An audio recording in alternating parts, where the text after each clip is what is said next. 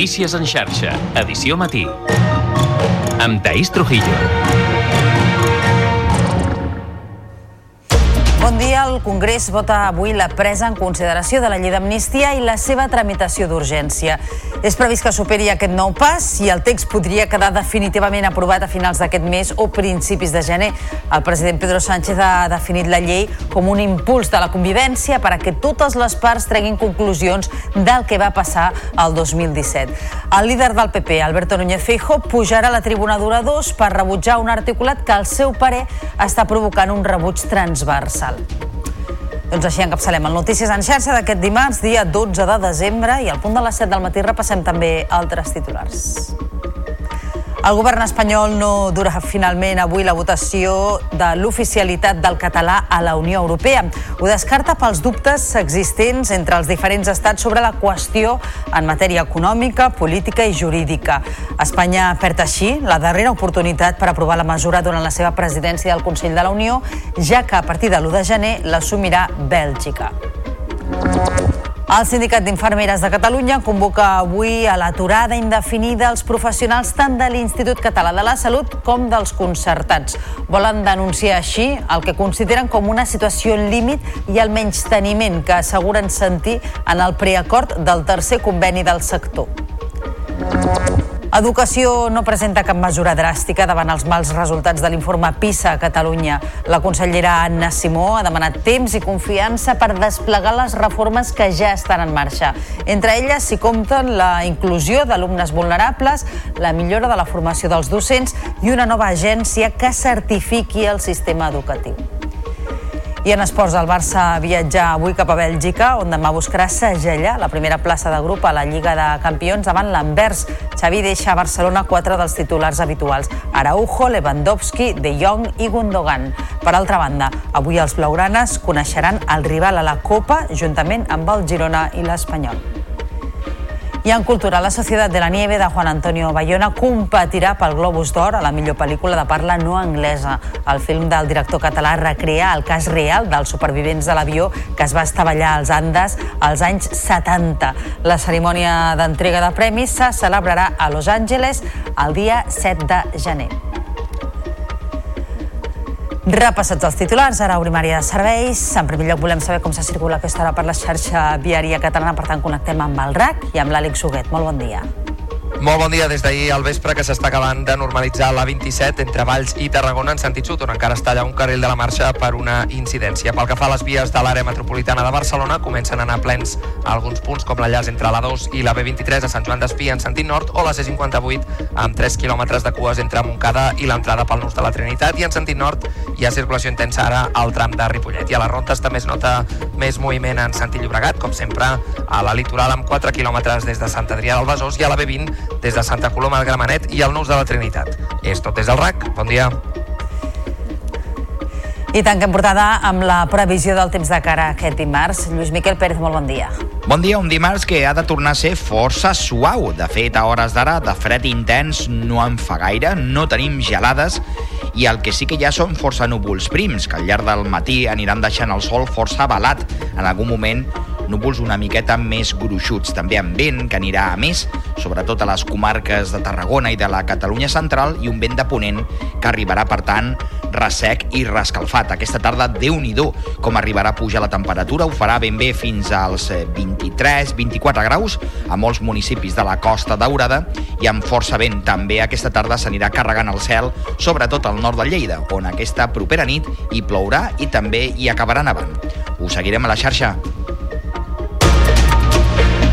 Notícies en xarxa, edició matí. El Congrés dels Diputats debat i vota avui dimarts la presa en consideració de la llei d'amnistia i la seva tramitació d'urgència. Es preveu que el text superi les dues votacions amb els vots de PSOE, Sumar, Esquerra, Junts, Bildu, PNB i BNG. Si com es preveu s'aprova, la llei d'amnistia superarà un nou pas al Congrés. La nova normativa podria quedar definitivament aprovada a la Cambra Baixa a finals de desembre o principis de gener si es compleixen els terminis. És una crònica de la Munt Carvajal. Esquerra Republicana assegura que la voluntat del Partit Popular és sabotejar la llei quan exigeixen al Senat informes del Consell General del Poder Judicial i de la Fiscalia per poder-se mirar la llei. Per això han demanat que els escrits no facin falta. Raquel Sanz n'és la portaveu que no són necessaris i que són un intent més, una mostra més de la dreta i l'ultradreta de boicotejar la, la llei d'amnistia. No creiem que prosperi, però en qualsevol cas, allà on ells hi posen sabotatge, nosaltres el que intentem és posar-hi més política. Pel portaveu de Catalunya en Comú, Joan Mena, la llei d'amnistia és una oportunitat. La llei d'amnistia és una oportunitat no?, per poder resoldre el conflicte polític entre Catalunya i Espanya i el que estem convençuts que veurem en el debat que comença demà és l'Espanya que mira cap al futur futur, que és l'Espanya que aposta per una solució política en el conflicte entre Catalunya i Espanya, i l'Espanya reaccionària. Avui els 178 vots a favor de la investidura aprovaran també la presa en consideració de la llei i que es tramiti per la via d'urgència. L'aprovació definitiva es preveu cap a la primavera. El president del govern espanyol, Pedro Sánchez, ha defensat aquest dilluns el que ha definit com les virtuts de l'amnistia. A l'acte de presentació del seu últim llibre, Tierra Firme, al Círculo de Bellas Artes de Madrid, Sánchez ha assegurat que la llei és un pas transcendent que impulsa la convivència i alhora permet que totes les parts extreguin lliçons del que va passar el 2017. Segons Sánchez, el PP també ha de revisar la seva actuació al respecte perquè utilitzar Catalunya com a element d'erosió i desgast del PSOE és és un error estratègic que alimenta els extrems. Y creo que esas lecciones eh, tenemos que, digamos, asumirlas todos. Yo, en primer lugar, como presidente del Gobierno, eh, de ser conscientes de dónde están los límites, cuál es el marco constitucional, el objetivo, la convivencia, pero otras formaciones políticas también. El volver de manera recurrente, cada vez que está el Partido Popular en la oposición, a utilizar el tema territorial y Cataluña como un elemento de erosión y de desgaste del gobierno progresista me parece un tremendo error El mateix líder del PP, Alberto Núñez Feijóo, pujarà a la tribuna d'oradors del Congrés per defensar el rebuig a la llei d'amnistia. El portaveu popular, Borja Semper, ha denunciat l'absència de Sánchez en el ple i ha assegurat que la posició contra la llei és transversal. Creemos y estamos absolutamente convencidos que el rechazo a esta ley de amnistía no solo convoca a ciudadanos que se autodefinan como de centro, de derechas o liberales, sino que es una ley que rechazan una inmensa mayoría de españoles de manera transversal. Es una ley que no apela, que no interpela a un eje ideológico de izquierdas o derechas, es una ley que suscita el rechazo mayoritario de ciudadanos de una y otra ideología o de unas y otras ideologías. El govern espanyol ha descartat finalment portar a votació avui l'oficialitat del català, l'eusquera i el gallec a la Unió Europea. S'havia apuntat com a possibilitat en el marc del Consell d'Afers Generals a Brussel·les, però segons han confirmat fonts diplomàtiques, Espanya ha optat per aquesta opció pels dubtes que existeixen entre els diferents estats sobre la qüestió, tant en matèria econòmica com política o jurídica. D'aquesta manera, Espanya perd la darrera oportunitat per aprovar la mesura durant la seva presidència del Consell de la Unió Europea, ja que a partir de l'1 de gener del 2024 passarà a Bèlgica. A partir d'ara, per tal que el tema es torni a incloure en l'agenda, l'Estat haurà de sol·licitar-ho a la presidència de torn del Consell. Meritxell Serret és consellera d'Acció Exterior. No s'ha acabat res, som conscients que no podíem fiar totes les cartes al govern espanyol, d'acord, però l'exigència en el govern espanyol es manté al mateix nivell que des del primer dia i per tant aquí toca seguir treballant i toca seguir ficant tots els esforços perquè el català acabi sent una llengua oficial. És un informe um, bastant genèric del que podria ser el cost de les diferents llengües basat en la que ha sigut l'experiència de, de l'irlandès, per exemple. Per tant, uh, entenem que cal cal treballar. La consellera d'Economia, Natàlia Mas, no ha assistit al Consell de Política Fiscal i Financera.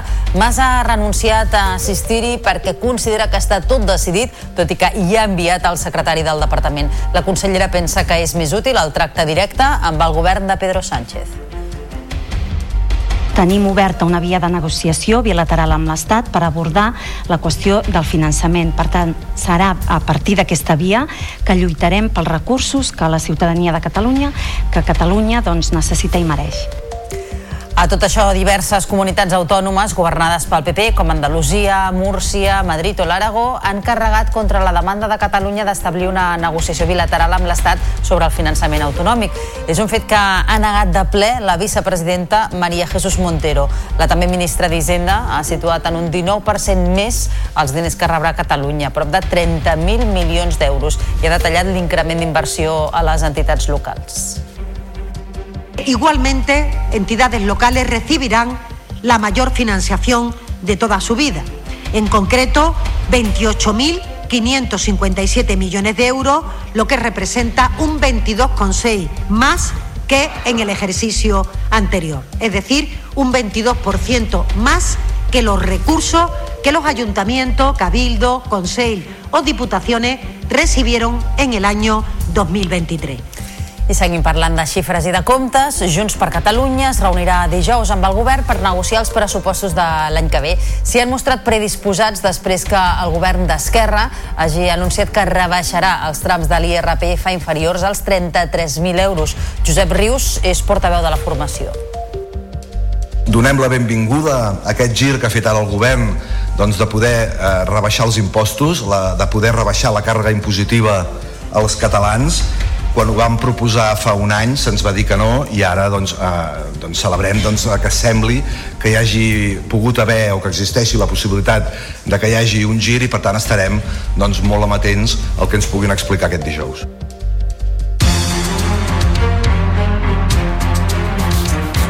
Jornada de vagues en l'àmbit de la salut. D'una banda, el Sindicat d'Infermeres de Catalunya convoca avui a l'aturada indefinida els professionals tant de l'Institut Català de la Salut com els concertats. Volen denunciar així la situació límit que pateixen i el menys teniment que asseguren sentir en el preacord del tercer conveni del sector. Aquest dimarts es concentraran a la plaça de Catalunya i es mobilitzaran fins a la plaça de Sant Jaume i demà tenen previst mobilitzar-se al Parlament. L'aturada de les infermeres coincidirà amb la convocada per avui i demà per part dels sindicats com CATAC i la Intersindical, també dirigida a aquesta convocatòria a totes les categories professionals de l'Institut Català de la Salut en contra del tercer conveni laboral que regula la majoria de centres d'atenció primària i alguns hospitals. Els convocants qualifiquen el preacord del conveni signat per la majoria de delegats sindicals de la mesa sectorial d'insult a tota la sanitat pública i veu veuen greuges comparatius entre categories. I mentrestant, els agents de la policia municipal de Girona s'han disfressat d'esclaus a les portes del ple per protestar contra el decret que els obliga a fer hores extra. Els policies han estirat un carro per la plaça del Vi, al damunt del qual hi anava un agent simbolitzant l'alcalde Lluc Salelles, que instava els altres a treballar i callar. Amb aquesta nova acció, els policies tornen a fer palès el malestar del cos per un conflicte que fa mesos que està enquistat. La segona reunió sobre l'increment del salari mínim interprofessional ha acabat sense acord entre el govern espanyol, els sindicats majoritaris i les patronals COE i CEPIME. El Ministeri de Treball ha ofert una pujada del 4%, un fet que deixaria la remuneració als 1.123 euros mensuals. De la seva banda, els sindicats no s'han mogut de la demanda de l'increment i volen que arribi al 5%, mentre que la part empresarial situava la seva proposta al 3%, són uns 32 euros al mes en aquest cas. La negociació, per tant, haurà de continuar en els pròxims dies, de moment sense una data fixada per a nova reunió. I la consellera d'Educació, Anna Simó, no ha presentat cap nova mesura en la seva compareixença informativa per valorar els efectes de l'informe PISA i ha demanat temps i confiança per acabar de desplegar les reformes que ja estan en marxa.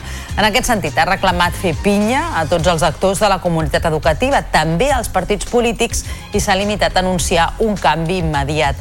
A partir del mes de gener, el Consell Superior d'Avaluació es convertirà en una nova agència d'avaluació de polítiques públiques. En aquest sentit, la consellera d'Educació també ha tancat files entorn al seu equip i ha descartat dimissions, principalment del seu home de confiança i secretari de Transformació Educativa, qui va atribuir a la sobrerepresentació dels alumnes immigrants a la mostra el suspens de Catalunya a l'informe PISA.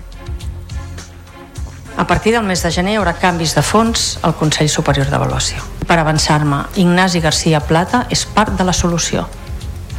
Ignasi Garcia Plata no és part del problema. I ho dic aquí davant d'ell i davant de tots vostès.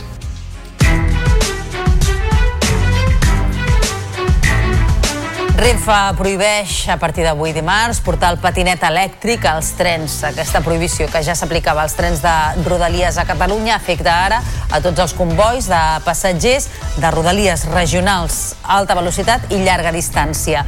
Es tracta de la mateixa mesura i les mateixes raons de seguretat que s'aplica també al metro i als autobusos de Barcelona.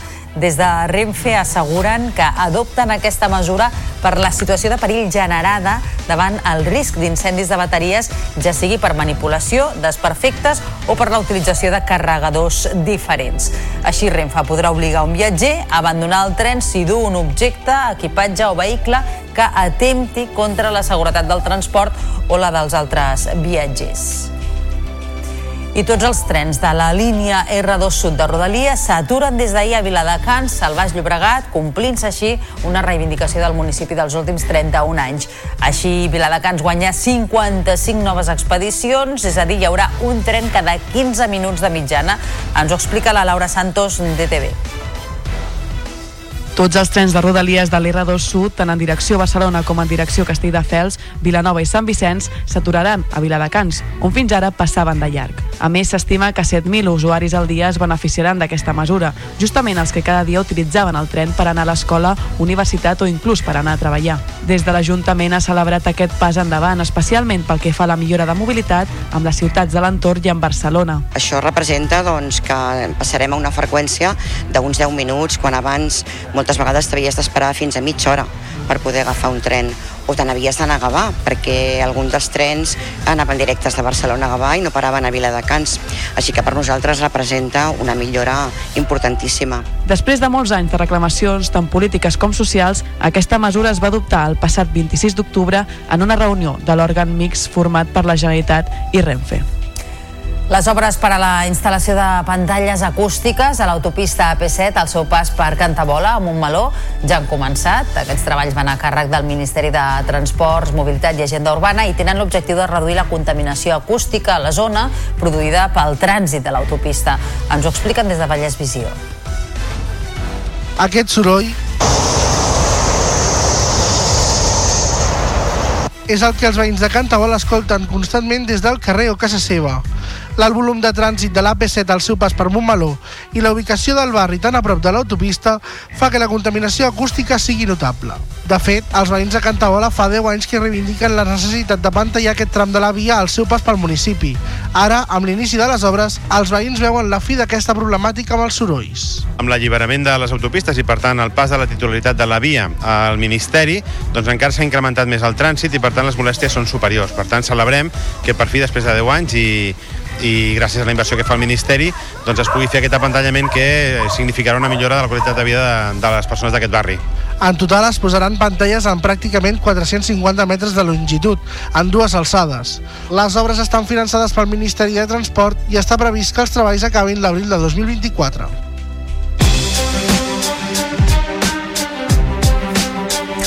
Últim dia avui de la COP28, la cimera del clima, i si res no canvia, sembla que el resultat serà decebedor. El primer esborrany no recull la demanda principal de més de la meitat dels països assistents, que és el compromís d'acabar amb els combustibles fòssils. La Unió Europea ho considera del tot inacceptable i ja ha avançat que no el signarà. El text que demarca l'acció climàtica en els pròxims anys tot just apunta que s'ha de reduir progressivament el consum i la producció de combustibles fòssils per assolir les zero emissions als voltants del 2050. La cimera, liderada pels Emirats Àrabs Units, obre la porta a continuar fent servir tecnologies contaminants. Els principals opositors a acabar amb els combustibles fòssils són l'Aràbia Saudita i Rússia, mentre que les organitzacions ecologistes consideren que és una cessió als productors de petroli. La ministra per la transició ecològica, Teresa Rivera, veu difícil que avui s'arribi a un acord com vol la presidència de la COP28, però es mostra oberta a seguir negociant. L'Agència Catalana de l'Aigua comença a sancionar els ajuntaments per consumir més aigua de la permesa durant l'excepcionalitat per sequera. Begú i Palau Saverdera, tots dos a la demarcació de Girona, són els dos primers consistoris castigats. Begur és qui haurà de pagar la multa més gruixuda, més de 54.000 euros per haver superat amb més de 115 litres la quota màxima per persona i dia al mes de setembre. En el cas de Palau Saverdera, la multa és de gairebé 19.000 euros. Durant el mes de setembre, aquest municipi de l'Alt Empordà va consumir 334 litres d'aigua per habitant i dia, quan el límit permès és de 200. Ara reclamen una subvenció per instal·lar reguladors de pressió a la xarxa i substituir els comptadors analògics per digitals. Des de Begur critiquen la multa i asseguren que hi presentaran una al·legació. I encara parlant de la sequera, la Plataforma en Defensa de l'Ebre considera que aquesta crisi climàtica està posant contra les cordes el model de creixement de Catalunya. És un model que convé replantejar perquè, segons la plataforma, propicia el desequilibri territorial i adverteix que la falta d'aigua no es combatrà portant aigua en vaixells. És una crònica de Dani Camacho des de Canal T. La portaveu de la plataforma en defensa de l'Ebre, Susana Vella, no creu que la possible portada d'aigua a Barcelona en vaixells sigui suficient per a les necessitats reals de l'entorn metropolità. Considera que és una mesura mediàtica i psicològica per conscienciar la població i justificar altres actuacions que políticament són més incòmodes. Avella ha insistit en que abans de transportar aigua s'haurien d'activar altres fonts d'abastament, com ara la d'aigües subterrànies o l'aigua regenerada de les depuradores, però en el fons el que es demana és que se replanteja el model de creixement. És que ningú dubtem en ajudar el veí si té un problema. Evidentment que si, que si en algun moment donat s'arriba a una situació extrema, doncs potser ens haurem d'arromangar tots. Això possiblement sí. Per tant, el que hem de replantejar aquest veí, no? eh, el que s'ha de replantejar és quin model de vida té este, este, i si és el més apropiat, i si és el més apropiat per a Catalunya, perquè una Catalunya desequilibrada és una Catalunya ineficient. L'activista ha recordat que en el pla de gestió de l'Agència Catalana de l'Aigua per a l'any 2039 se preveu un augment del consum d'aigua del 25%, ja que se preveuen 200.000 habitatges nous i equipaments com la tercera pista de l'aeroport, la nova terminal de creuers o el complex Hard a Tarragona. Susana Vella no descarta noves mobilitzacions.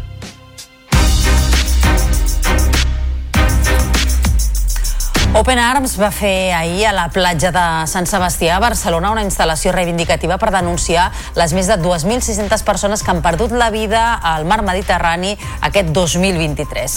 L'ONG va cobrir tota la sorra de peces de roba per conscienciar i sensibilitzar sobre la necessitat de preservar el dret a la vida i dimensionar la magnitud del genocidi que s'està produint. Hi van participar un centenar de voluntaris amb la col·laboració de la Fura dels Baus. Open Arms iniciarà la seva missió número 107 el proper 22 de desembre. I els Mossos d'Esquadra han detingut una dona de 56 anys per haver apunyalat presumptament un home a Sallent amb una arma blanca aquest dilluns. L'agressió ha tingut lloc en un habitatge situat al carrer del Cos d'aquesta localitat. La víctima, que és la seva parella, ha estat traslladada a l'Hospital Sant Joan de Déu de Manresa i no estem per la seva vida, segons han confirmat els Mossos d'Esquadra. La policia local ha rebut l'avís pels vols de dos quarts d'onze del matí i ja ha oberta una investigació per aclarir els fets. Thank you.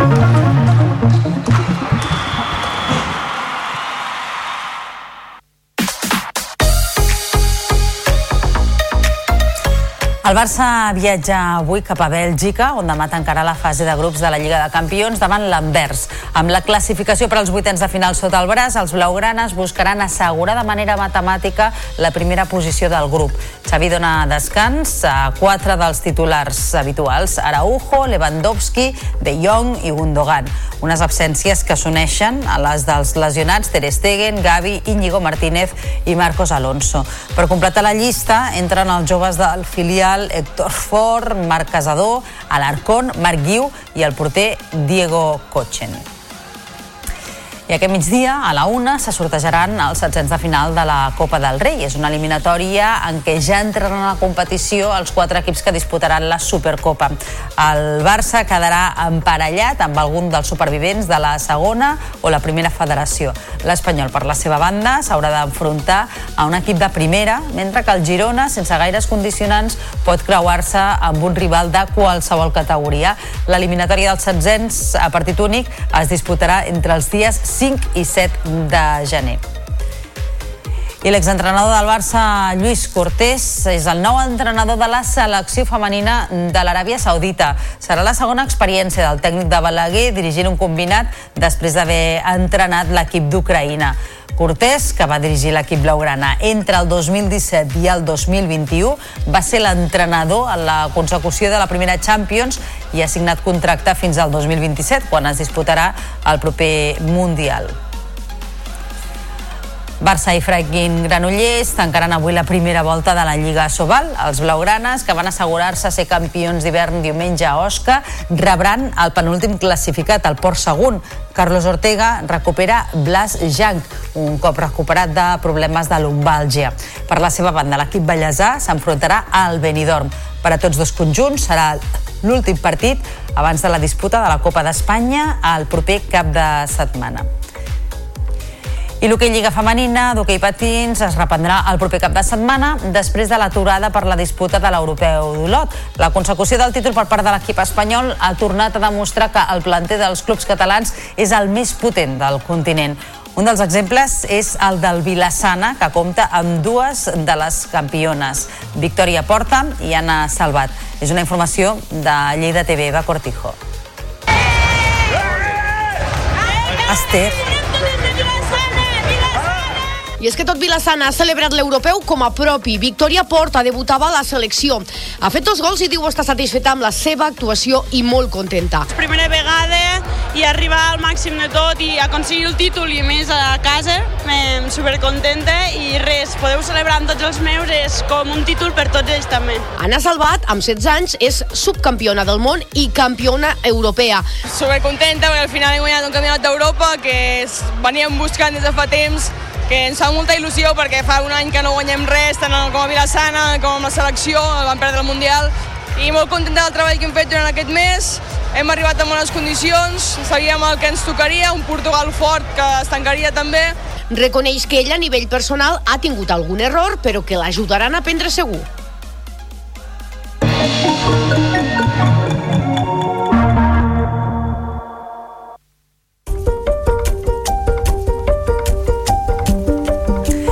La Societat de la Nieve de Juan Antonio Bayona competirà pel Globus d'Or a la millor pel·lícula de parla no anglesa.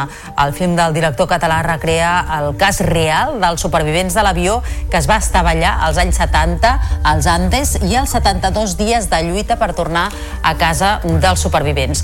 La 81a edició dels Guardons es farà el proper 7 de gener. El Museu Víctor Balaguer de Vilanova i la Geltrú està restaurant les pintures que hi ha a l'entrada. Aprofitant que està tancat al públic per fer-hi tasques de climatització, s'intervé a les vuit pintures que són a la rotonda d'entrada des que es va fundar el museu al finals del segle XIX. Són imatges de l'època de set vilanovins i un barceloní il·lustres fetes per autors diferents. Es treballa en alçada per netejar i restaurar les pintures i tornar-les a fixar a la paret. L'única que s'ha pogut baixar a terra ha estat la de l'arcabisbe Armanyà, una obra d'Anicet Pasqual.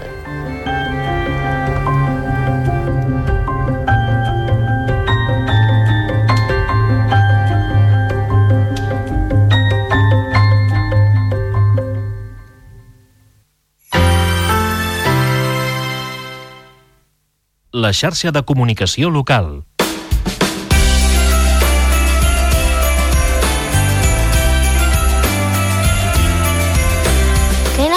Figures s'ha de tenir un pessebre? Hi ha tres figures que no hi poden faltar. El nen Jesús i els seus pares, Josep i Maria. Els evangelis també ens parlen d'altres personatges, com els pastors, l'àngel que va anunciar la bona nova o els reis d'Orient. Però en un pessebre català no hi pot faltar una altra figura, el caganer. Això sí, s'ha de posar ben amagat, no al davant del nen Jesús. A més a més, hi ha personatges de tota classe. La dona que fa la boga del riu, la filadora, el pescador, els artesans i, per descomptat, el bou i la mula, que escalfen la cova on hi ha el nen. Hi ha pessebres on les figures són persones i éssers vius? En moltes poblacions s'organitzen uns pessebres molt especials en què no es col·loquen figuretes, sinó persones, animals i plantes de veritat. Són els pessebres vivents, de llarga tradició arreu de Catalunya, des de Jesús al Baix Ebre fins a Navata, a l'Alt Empordà, passant per la Pobla de Montornès al Tarragonès, Valls a l'Alt Camp, Linyola al Pla d'Urgell, Corbera de Llobregat al Baix Llobregat o Amer a la Selva. Avui dia n'hi ha que tenen escenes molt reeixides, amb uns detalls que els fan molt versemblants. Diferents veïns esdevenen actors per uns dies i representen les escenes del naixement de Jesús al mateix poble perquè nens i grans visquin més de prop l'experiència nadalenca.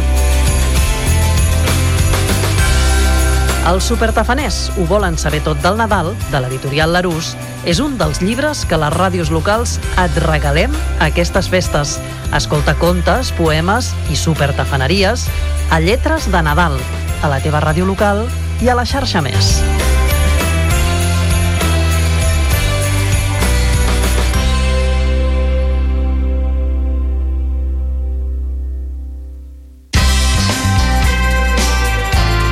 Xarxa de comunicació local.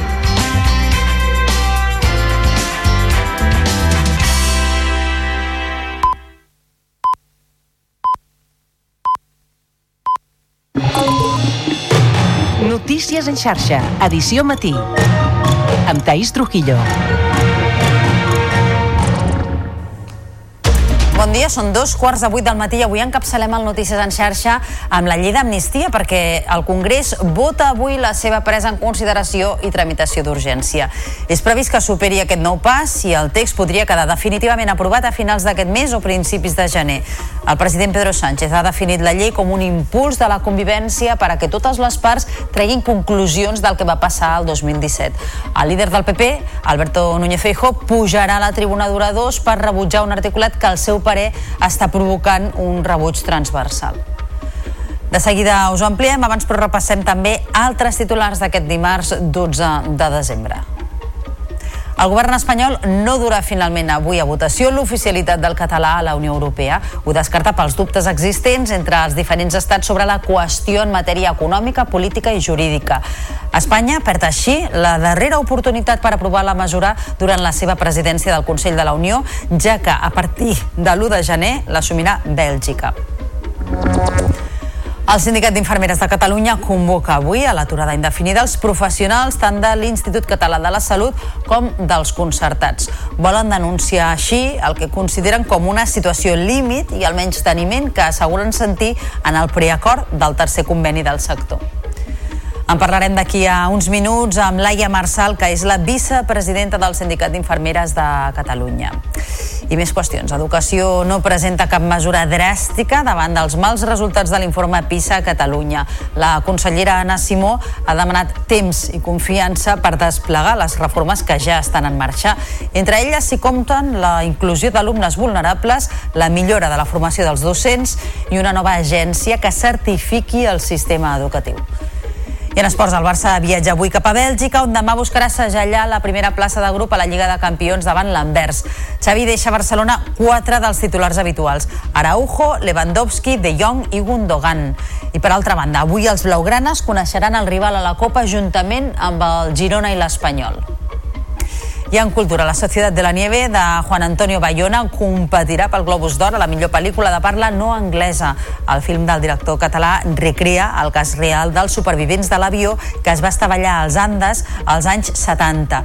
La cerimònia d'entrega de premis se celebrarà a Los Angeles el 7 de gener. I ara obrim plana de serveis amb el trànsit. Segons el RAC, continua un carril tallat a la 27 entre Valls i Tarragona en sentit sud sense generar aturades. No hi ha més incidències registrades, però sí força congestió a les principals carreteres, sobretot a la 2 des de Pallejà durant 5 quilòmetres cap a Barcelona. A la C58 són gairebé 6 quilòmetres de retencions entre Montcada i Reixac i el nus de la Trinitat de Barcelona i cues també a Sant Quirze cap al sud. A les rondes de Barcelona, les retencions habituals d'aquestes hores del matí. I pel que fa al temps, avui hi haurà una tímida retirada de l'anticicló, tot i que l'ambient es mantindrà força suau, amb temperatures per sobre de la mitjana. Al final del dia pot començar a ploure pel nord-oest. De matinada, les precipitacions aniran avançant per punts del terç nord. Notícies en xarxa, edició matí.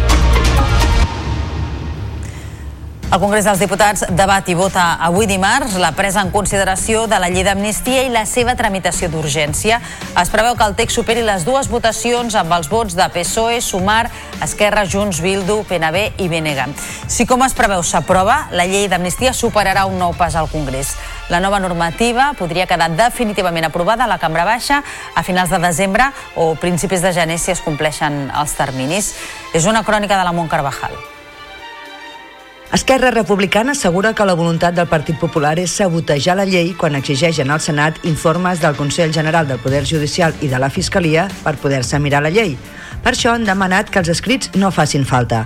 Raquel Sanz n'és la portaveu que no són necessaris i que són un intent més, una mostra més de la dreta i l'ultradreta de boicotejar la, la llei d'amnistia. No creiem que prosperi, però en qualsevol cas, allà on ells hi posen sabotatge, nosaltres el que intentem és posar-hi més política. Pel portaveu de Catalunya en Comú, Joan Mena, la llei d'amnistia és una oportunitat la llei d'amnistia és una oportunitat no? per poder resoldre el conflicte polític entre Catalunya i Espanya i el que estem convençuts que veurem en el debat que comença demà és l'Espanya que mira cap al futur, que és l'Espanya que aposta per una solució política en el conflicte entre Catalunya i Espanya i l'Espanya reaccionària Avui els 178 vots a favor de la investidura aprovaran també la presa en consideració de la llei i que es tramiti per la via d'urgència. L'aprovació definitiva es preveu cap a la primavera. El president del govern espanyol, Pedro Sánchez, ha defensat aquest dilluns el que ha definit com les virtuts de l'amnistia. En l'acte de presentació del seu últim llibre, Tierra Firme, al Círculo de Bellas Artes de Madrid, Sánchez ha assegurat que la llei és un pas transcendent que impulsa la convivència i alhora permet que totes les parts extreguin lliçons del que va passar el 2017. Segons Sánchez, el PP també ha de revisar la seva actuació al respecte perquè utilitzar Catalunya com a element d'erosió i desgast del PSOE és un error estratègic que alimenta els extrems. Y creo que esas lecciones eh, tenemos que, digamos, asumirlas todos. Yo, en primer lugar, como presidente del Gobierno, eh, de ser conscientes de dónde están los límites, cuál es el marco constitucional, el objetivo, la convivencia, pero otras formaciones políticas también. El volver de manera recurrente, cada vez que está el Partido Popular en la oposición, a utilizar el tema territorial y Cataluña como un elemento de erosión y de desgaste del gobierno progresista me parece un tremendo error El mateix líder del PP, Alberto Núñez Feijo, pujarà a la tribuna d'oradors del Congrés per defensar el rebuig a la llei d'amnistia. El portaveu popular, Borja Semper, ha denunciat l'absència de Sánchez en el ple i ha assegurat que la posició contra la llei és transversal. Creemos y estamos absolutamente convencidos que el rechazo a esta ley de amnistía no solo convoca a ciudadanos que se autodefinan como de centro, de derechas o liberales, sino que es una ley que rechazan una inmensa mayoría de españoles de manera transversal. Es una ley que no apela, que no interpela a un eje ideológico de izquierdas o derechas, es una ley que suscita el rechazo mayoritario de ciudadanos de una y otra ideología o de unas y otras ideologías. El govern espanyol ha descartat finalment portar a votació avui l'oficialitat del català, l'eusquera i el gallec a la Unió Europea. S'havia apuntat com a possibilitat en el marc del Consell d'Afers Generals a Brussel·les, però segons han confirmat fonts diplomàtiques, Espanya ha optat per aquesta opció pels dubtes que existeixen entre els diferents estats sobre la qüestió, tant en matèria econòmica com política o jurídica. D'aquesta manera, Espanya perd la darrera oportunitat per aprovar la mesura durant la seva presidència del Consell de la Unió Europea, ja que a partir de l'1 de gener de 2024 passarà a Bèlgica. A partir d'ara, per tal que el tema es torni a incloure en l'agenda, l'Estat haurà de sol·licitar-ho a la presidència de torn del Consell. Meritxell Serret és consellera d'Acció Exterior.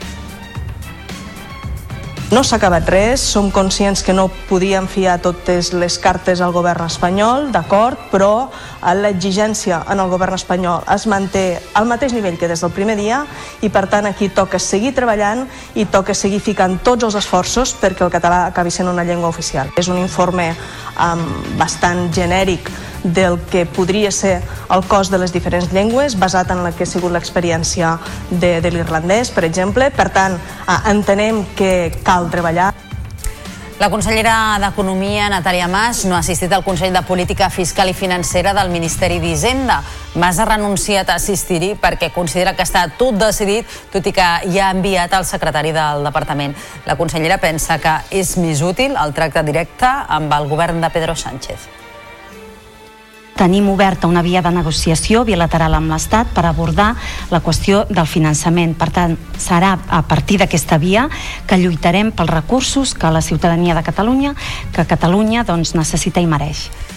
A tot això, diverses comunitats autònomes governades pel PP, com Andalusia, Múrcia, Madrid o l'Aragó, han carregat contra la demanda de Catalunya d'establir una negociació bilateral amb l'Estat sobre el finançament autonòmic. Una negociació que ha negat de ple la vicepresidenta Maria Jesús Montero. La també ministra d'Hisenda ha situat en un 19% més els diners que rebrà Catalunya, prop de 30.000 milions d'euros, i ha detallat l'increment d'inversió a les entitats locals entidades locales recibirán la mayor financiación de toda su vida. En concreto, 28.557 millones de euros, lo que representa un 22,6 más que en el ejercicio anterior. Es decir, un 22% más que los recursos que los ayuntamientos, cabildos, consell o diputaciones recibieron en el año 2023. I seguim parlant de xifres i de comptes. Junts per Catalunya es reunirà dijous amb el govern per negociar els pressupostos de l'any que ve. S'hi han mostrat predisposats després que el govern d'Esquerra hagi anunciat que rebaixarà els trams de l'IRPF inferiors als 33.000 euros. Josep Rius és portaveu de la formació. Donem la benvinguda a aquest gir que ha fet ara el govern doncs, de poder eh, rebaixar els impostos, la, de poder rebaixar la càrrega impositiva als catalans quan ho vam proposar fa un any se'ns va dir que no i ara doncs, eh, doncs celebrem doncs, que sembli que hi hagi pogut haver o que existeixi la possibilitat de que hi hagi un gir i per tant estarem doncs, molt amatents al que ens puguin explicar aquest dijous.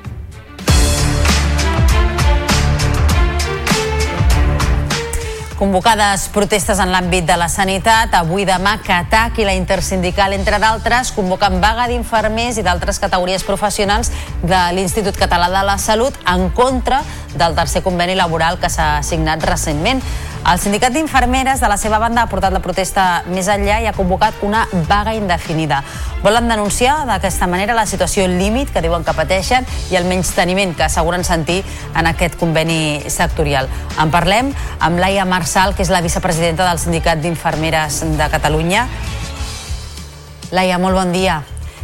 Hola, molt bon dia. Quines són les principals mancances que trobeu en aquest tercer conveni que es va signar a finals del mes de novembre?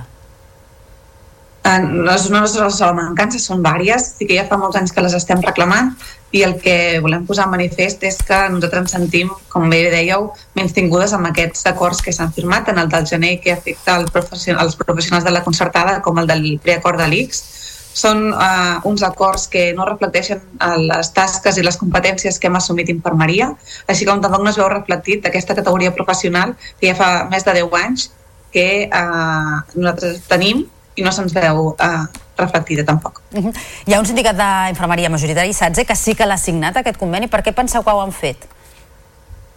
Entenem que cadascú té les seves línies de treball i les seves propostes de millora. Sí que nosaltres no veiem que aquestes que nosaltres defensem eh, estiguin reflectides en aquests acords. Uh -huh però sí que inclou millores el conveni, tot i que són insuficients pels infermers i les són infermeres. Són insuficients, sí, com, com bé dèiem, eh, aquesta part important de submissió, de, que nosaltres assumim més tasques, més responsabilitats, i totes aquestes són des d'una, de una, les agafem des d'una vessant de, de sacrifici, perquè no se'ns veuen ni retribuïdes ni tampoc re, reconegudes a nivell eh, laboral, no estan eh, treballades en aquests, en aquests acords, així com les, les propostes de millores són bàsicament de millores en tot en jornades extraordinàries, és a dir, nosaltres volem cobrar per la feina que fem, no per fer més hores extres. Mm -hmm. També demaneu, entre d'altres qüestions, la jubilació anticipada? Sí, com, com eh, suposo que tots com a usuaris ens hem adonat, no? la complexitat de les cures dels nostres pacients està, està canviant i la, les exigències a nivell de les nostres activitats de la, diàries laborals són molt més complexes que, que eren fins ara. Per això volem oferir unes cures de qualitat i per tant oferir-ho amb, bueno, amb, amb les possibilitats que puguem tenir. Mm. Un cop signat aquest tercer conveni, quines possibilitats teniu d'incidir en, el, en el seu redactat i en les condicions laborals dels infermers i les infermeres que treballen a l'ICS o també als centres concertats? Uh, esperem poder-ne tenir, ja que estem uh, aconseguint una, unes, bueno, una mobilització de la infermeria que no s'havia pogut aconseguir fins ara. Per tant, esperem que això se n'adonin de que qui ha negociat, qui ha firmat el, aquests convenis, a millor no reflecteix la, la professió actual del nostre país. Doncs seguirem parlant, recordem, a partir d'avui vaga indefinida convocada pel sindicat d'infermeres. A dos quarts de deu d'aquest matí protestareu davant de la seu de l'Institut Català de la Salut i després aquesta setmana no. també hi haurà... No? Ho he dit malament. No, uh, ah, jo sé que això és molt... És, jo entenc que com a periodistes això ha de, ha de ser una miqueta difícil amb aquestes diferents mobilitzacions. Nosaltres avui convoquem les infermeres a la plaça Catalunya plaça Catalunya, per poder mobilitzar fins sí, al plaça Sant Jaume. És que hi ha diverses mobilitzacions avui i la vostra no és la que es fa davant de l'Institut Català de la Salut, sinó a plaça Catalunya. Perfecte. Laia Marçal, gràcies. vicepresidenta del Sindicat Infermeres de Catalunya, moltíssimes gràcies per haver-nos explicat les vostres reivindicacions avui al Notícies en xarxa. Molt bon dia. A vosaltres, bon dia i de la salut a, a l'educació ara perquè la consellera del RAM, Anna Simó, no ha presentat cap nova mesura en la seva compareixença informativa per valorar els efectes de l'informe PISA i ha demanat temps i confiança per acabar de desplegar les reformes que ja estan en marxa. En aquest sentit, ha reclamat fer pinya a tots els actors de la comunitat educativa, també als partits polítics, i s'ha limitat a anunciar un canvi immediat. A partir del mes de gener, el Consell Superior d'Avaluació es convertirà en una nova agència d'avaluació de polítiques públiques. En aquest sentit, la consellera d'Educació també ha tancat files entorn del seu equip i ha descartat dimissions, principalment la del seu home de confiança i secretari de Transformació Educativa, qui va atribuir, recordem, a la sobrerepresentació dels alumnes immigrants migrants a la mostra el suspens de Catalunya a l'informe PISA.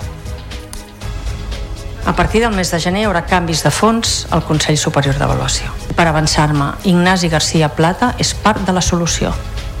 Ignasi Garcia Plata no és part del problema. I ho dic aquí davant d'ell i davant de tots vostès.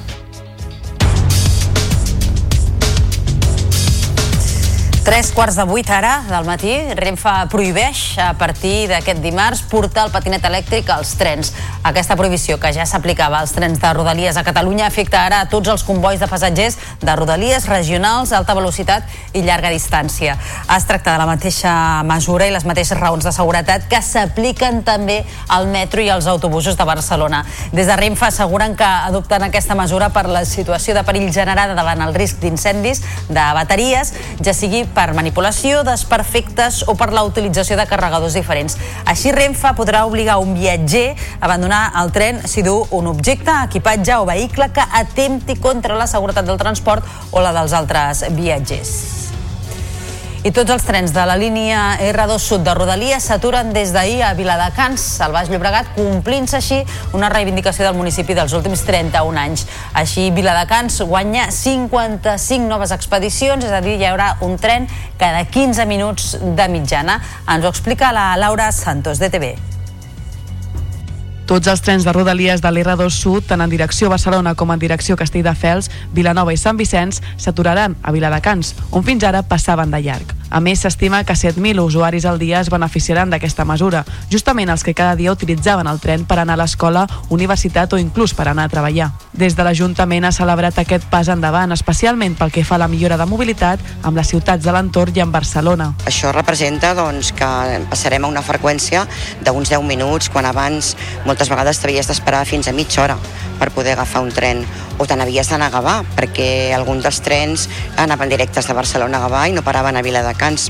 Així que per nosaltres representa una millora importantíssima. Després de molts anys de reclamacions, tant polítiques com socials, aquesta mesura es va adoptar el passat 26 d'octubre en una reunió de l'òrgan mix format per la Generalitat i Renfe. I a Barcelona les obres de perllongament de la línia 8 de ferrocarrils començaran el proper 8 de gener amb una inversió prevista de 412 milions d'euros. Es faran en cinc àmbits de la ciutat per on passarà el nou traçat que unirà la plaça Espanya amb Gràcia i permetrà la unió de les línies de Baix Llobregat a Noia amb la del Vallès. La base logística dels treballs estarà al Parc Joan Miró i ocuparà 5.300 metres quadrats, una superfície menor que la prevista inicialment. Els treballs de la tuneladora començaran a finals del 2025 i s'allargaran durant uns dos anys i mig. Marc Sangles és el secretari de Mobilitat i Infraestructures. Creiem que és una, una obra amb una altra rendibilitat social, creiem que és un, un, por, un fort impacte per l'entrada a la ciutat, també per la sortida, evidentment, i que permetrà diguem, que, eh, diguem, guanyar molt més trànsit ferroviari a l'interior de la ciutat i sobretot de les persones que venen de, de fora de la ciutat de Barcelona per, per, per gaudir de la ciutat, per treballar a la ciutat. Les obres per a la instal·lació de pantalles acústiques a l'autopista AP7 al seu pas per Cantabola, Montmeló, ja han començat.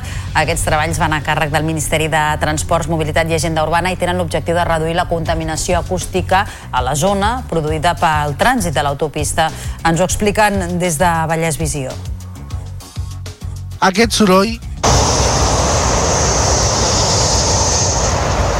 és el que els veïns de Cantabola escolten constantment des del carrer o casa seva. L'alt volum de trànsit de l'AP7 al seu pas per Montmeló i la ubicació del barri tan a prop de l'autopista fa que la contaminació acústica sigui notable. De fet, els veïns de Cantabola fa 10 anys que reivindiquen la necessitat de pantallar aquest tram de la via al seu pas pel municipi. Ara, amb l'inici de les obres, els veïns veuen la fi d'aquesta problemàtica amb els sorolls. Amb l'alliberament de les autopistes i, per tant, el pas de la titularitat de la via al Ministeri, doncs encara s'ha incrementat més el trànsit i, per tant, les molèsties són superiors. Per tant, celebrem que per fi, després de 10 anys i, i gràcies a la inversió que fa el Ministeri doncs es pugui fer aquest apantallament que significarà una millora de la qualitat de vida de, de les persones d'aquest barri. En total es posaran pantalles en pràcticament 450 metres de longitud, en dues alçades. Les obres estan finançades pel Ministeri de Transport i està previst que els treballs acabin l'abril de 2024. La remodelació del recinte de la Fira de Montjuïc de Barcelona es decidirà en quatre concursos internacionals d'arquitectura que es convocaran aquesta primavera. Així ho va indicar ahir l'alcalde de la ciutat, Jaume Collboni, en l'acte de presentació de les activitats previstes per celebrar els 100 anys de l'exposició internacional de 1929. La renovació dels recintes suposarà una inversió de 174 milions d'euros durant 3 anys amb la construcció d'un nou palau de congressos al pavelló Alfons XIII o la creació d'un pavelló multifuncional a l'actual Palau de Congressos. També es preveu la pacificació de l'Avinguda Maria Cristina, que només estarà oberta a vianants i transport públic a partir de 2029.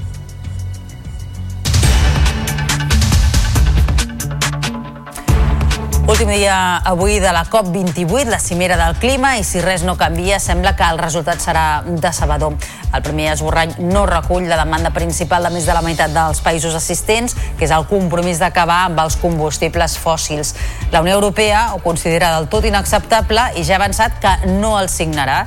El text tot just apunta que s'ha de reduir progressivament el consum i la producció de combustibles fòssils per assolir les zero emissions al voltant del 2050. Els principals opositors a acabar amb els combustibles fòssils són l'Aràbia Saudita i Rússia, mentre que les organitzacions ecologistes consideren que és una cessió als productors de petroli.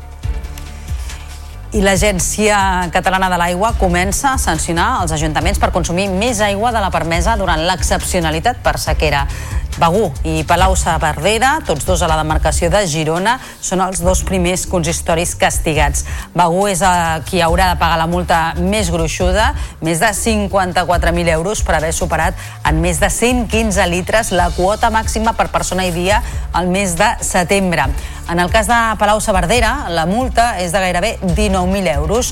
Durant el mes de setembre, aquest municipi de l'Alt Empordà va consumir 334 litres d'aigua per habitant i dia, quan el límit permès és de 200. Ara reclamen una subvenció per instal·lar reguladors de pressió a la xarxa i substituir els comptadors analògics per digitals. Des de Begú, de la seva banda, critiquen la multa i asseguren que hi presentaran una al·legació.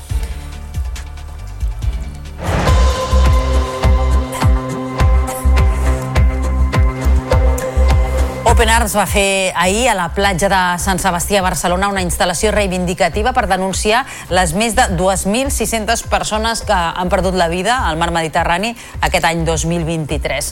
L'ONG va cobrir tota la sorra de peces de roba per conscienciar i sensibilitzar sobre la necessitat de preservar el dret a la vida i dimensionar la magnitud del genocidi que s'està produint. Hi van participar un centenar de voluntaris amb la col·laboració de la Fura dels Baus. Open Arms iniciarà la seva missió número 107 el proper dia 22 de desembre. I el Ministeri d'Afers Exteriors ha confirmat la mort d'un jove català en combat a Ucraïna. Es deia Pau Eres, tenia 26 anys i era de Mollet del Vallès. Va morir fa uns dies mentre combatia com a mercenari dins la legió estrangera ucraïnesa.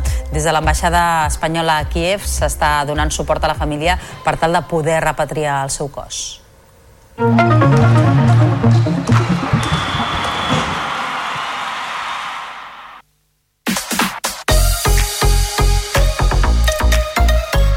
Barça viatja avui cap a Bèlgica, on demà tancarà la fase de grups de la Lliga de Campions davant l'Anvers. Amb la classificació per als vuitens de final sota el braç, els blaugranes buscaran assegurar de manera matemàtica la primera posició del grup. Xavi dona descans a quatre dels titulars habituals.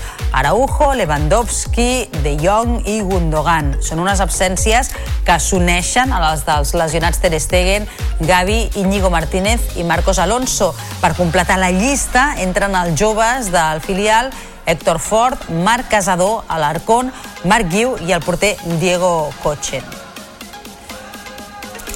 I aquest migdia, a la una, se sortejaran els setzents de final de la Copa del Rei. És una eliminatòria en què ja entraran a la competició els quatre equips que disputaran la Supercopa. El Barça quedarà emparellat amb algun dels supervivents de la segona o de la primera federació. L'Espanyol, per la seva banda, s'haurà d'enfrontar a un equip de primera, mentre que el Girona, sense gaire condicionants, pot creuar-se amb un rival de qualsevol categoria. L'eliminatòria dels setzents, a partit únic, es disputarà entre els dies 5 i 7 de gener i l'exentrenador del Barça femení Lluís Cortés és el nou seleccionador de l'Aràbia Saudita. Serà la segona experiència del tècnic de Balaguer dirigint un combinat després d'haver entrenat l'equip d'Ucraïna.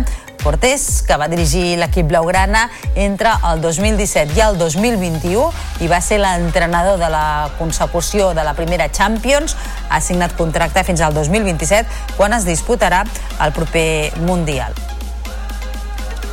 Barça i Freking Granollers tancaran avui la primera volta de la Lliga Sobal. Els blaugranes, que van assegurar-se ser campions d'hivern diumenge a Osca, rebran el penúltim classificat, el Port Segon. Carlos Ortega recupera Blas Jank, un cop recuperat dels problemes de lumbàlgia.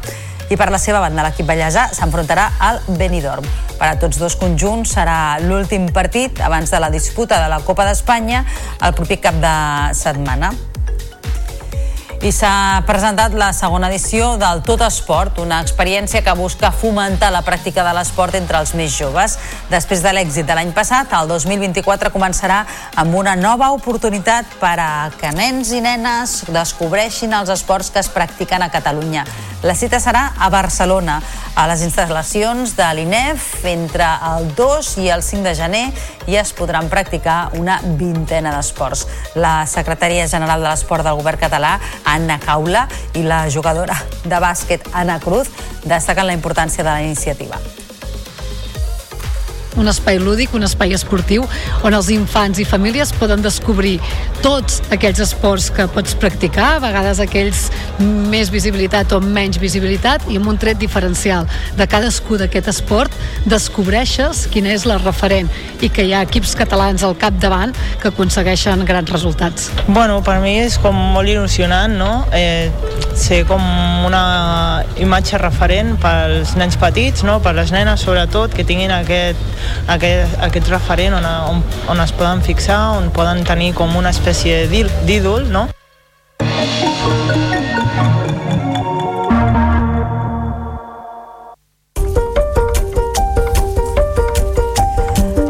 Societat de la Nieve de Juan Antonio Bayona competirà pel Globus d'Or a la millor pel·lícula de parla no anglesa. El film del director català recrea el cas real dels supervivents de l'avió que es va estavellar als anys 70 als Andes i els 72 dies de lluita per tornar a casa d'aquests supervivents.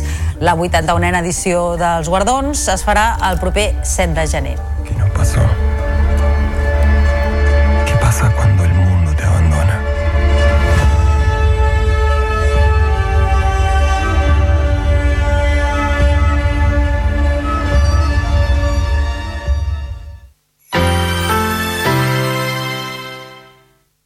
La xarxa de comunicació local. El 16 i 17.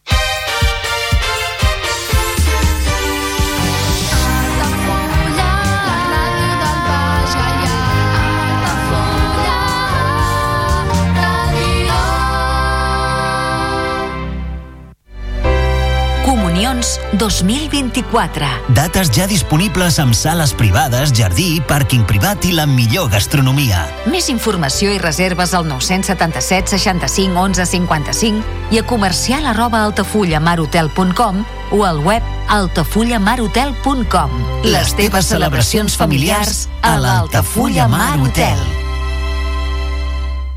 Ja coneixes les propostes que t'ofereix el Club Marítim Altafulla? Vine i descobreix totes les nostres activitats. Sortides en caiac o pa del surf, cursos de vela per a totes les edats. No t'ho perdis i gaudeix d'un dels esports més segurs d'aquest any. Club Marítim Altafulla. Obert tot l'any i per a tothom.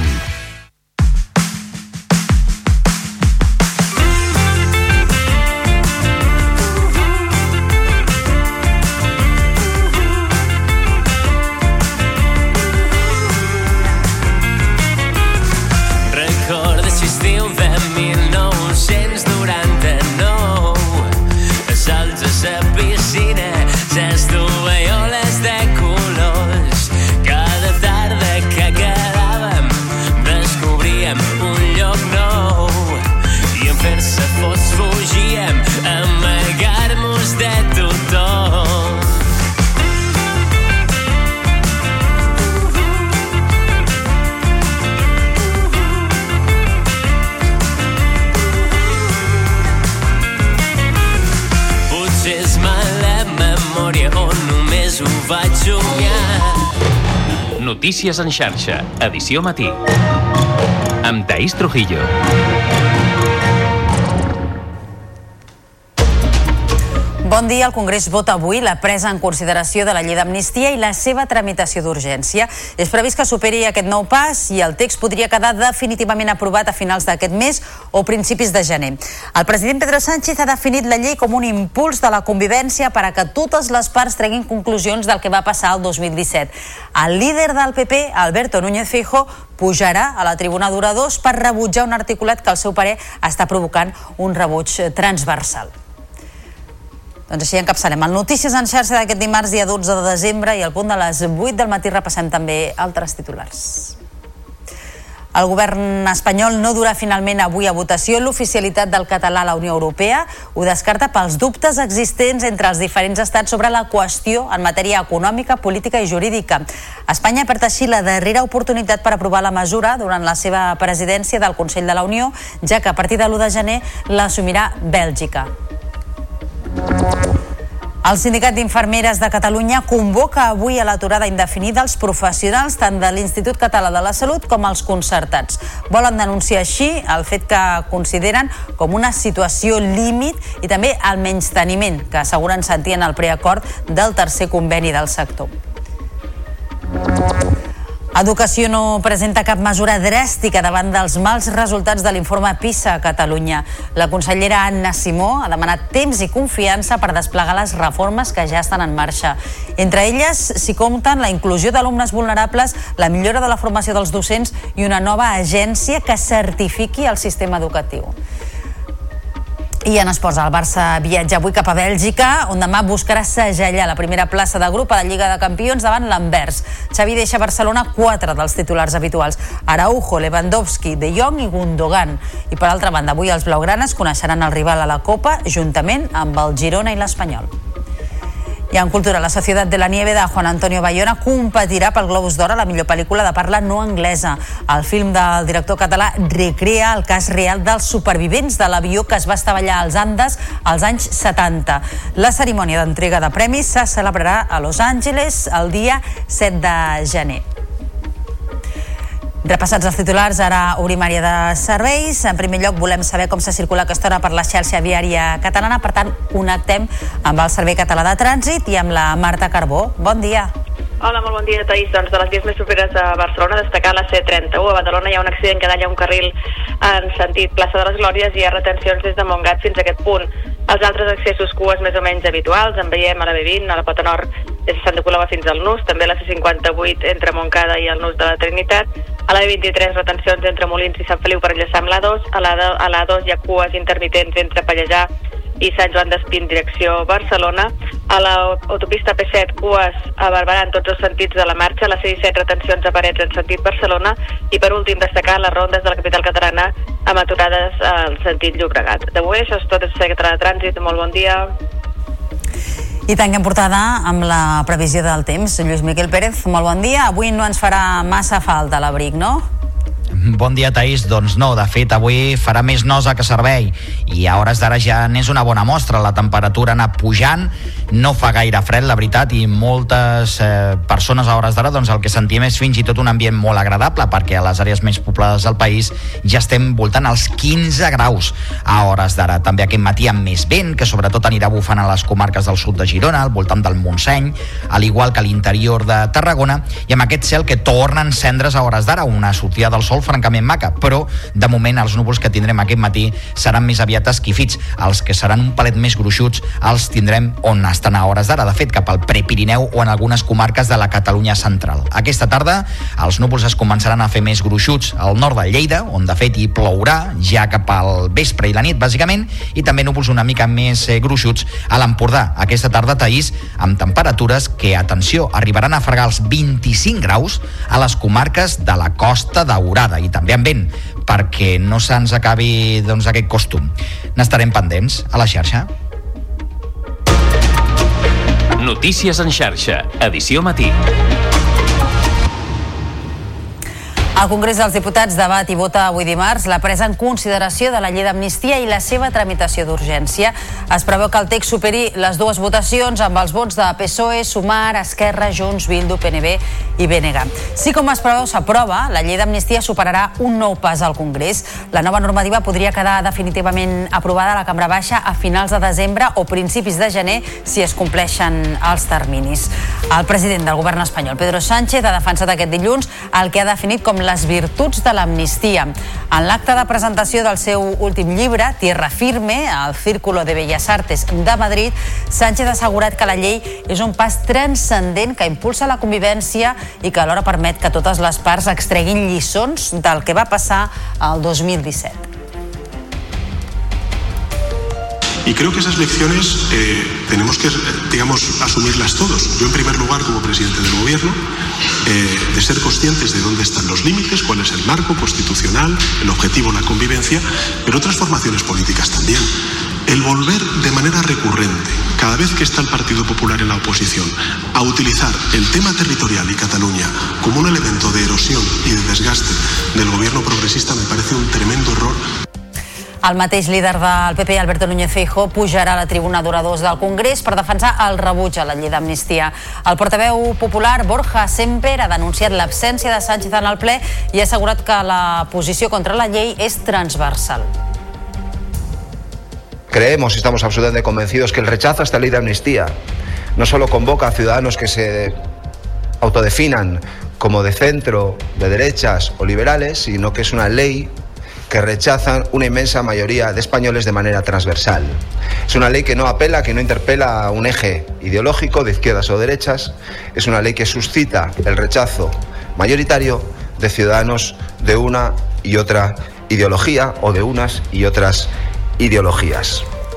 Des de Catalunya, Esquerra Republicana ha criticat l'actitud del Partit Popular d'intentar bloquejar la llei d'amnistia al Senat.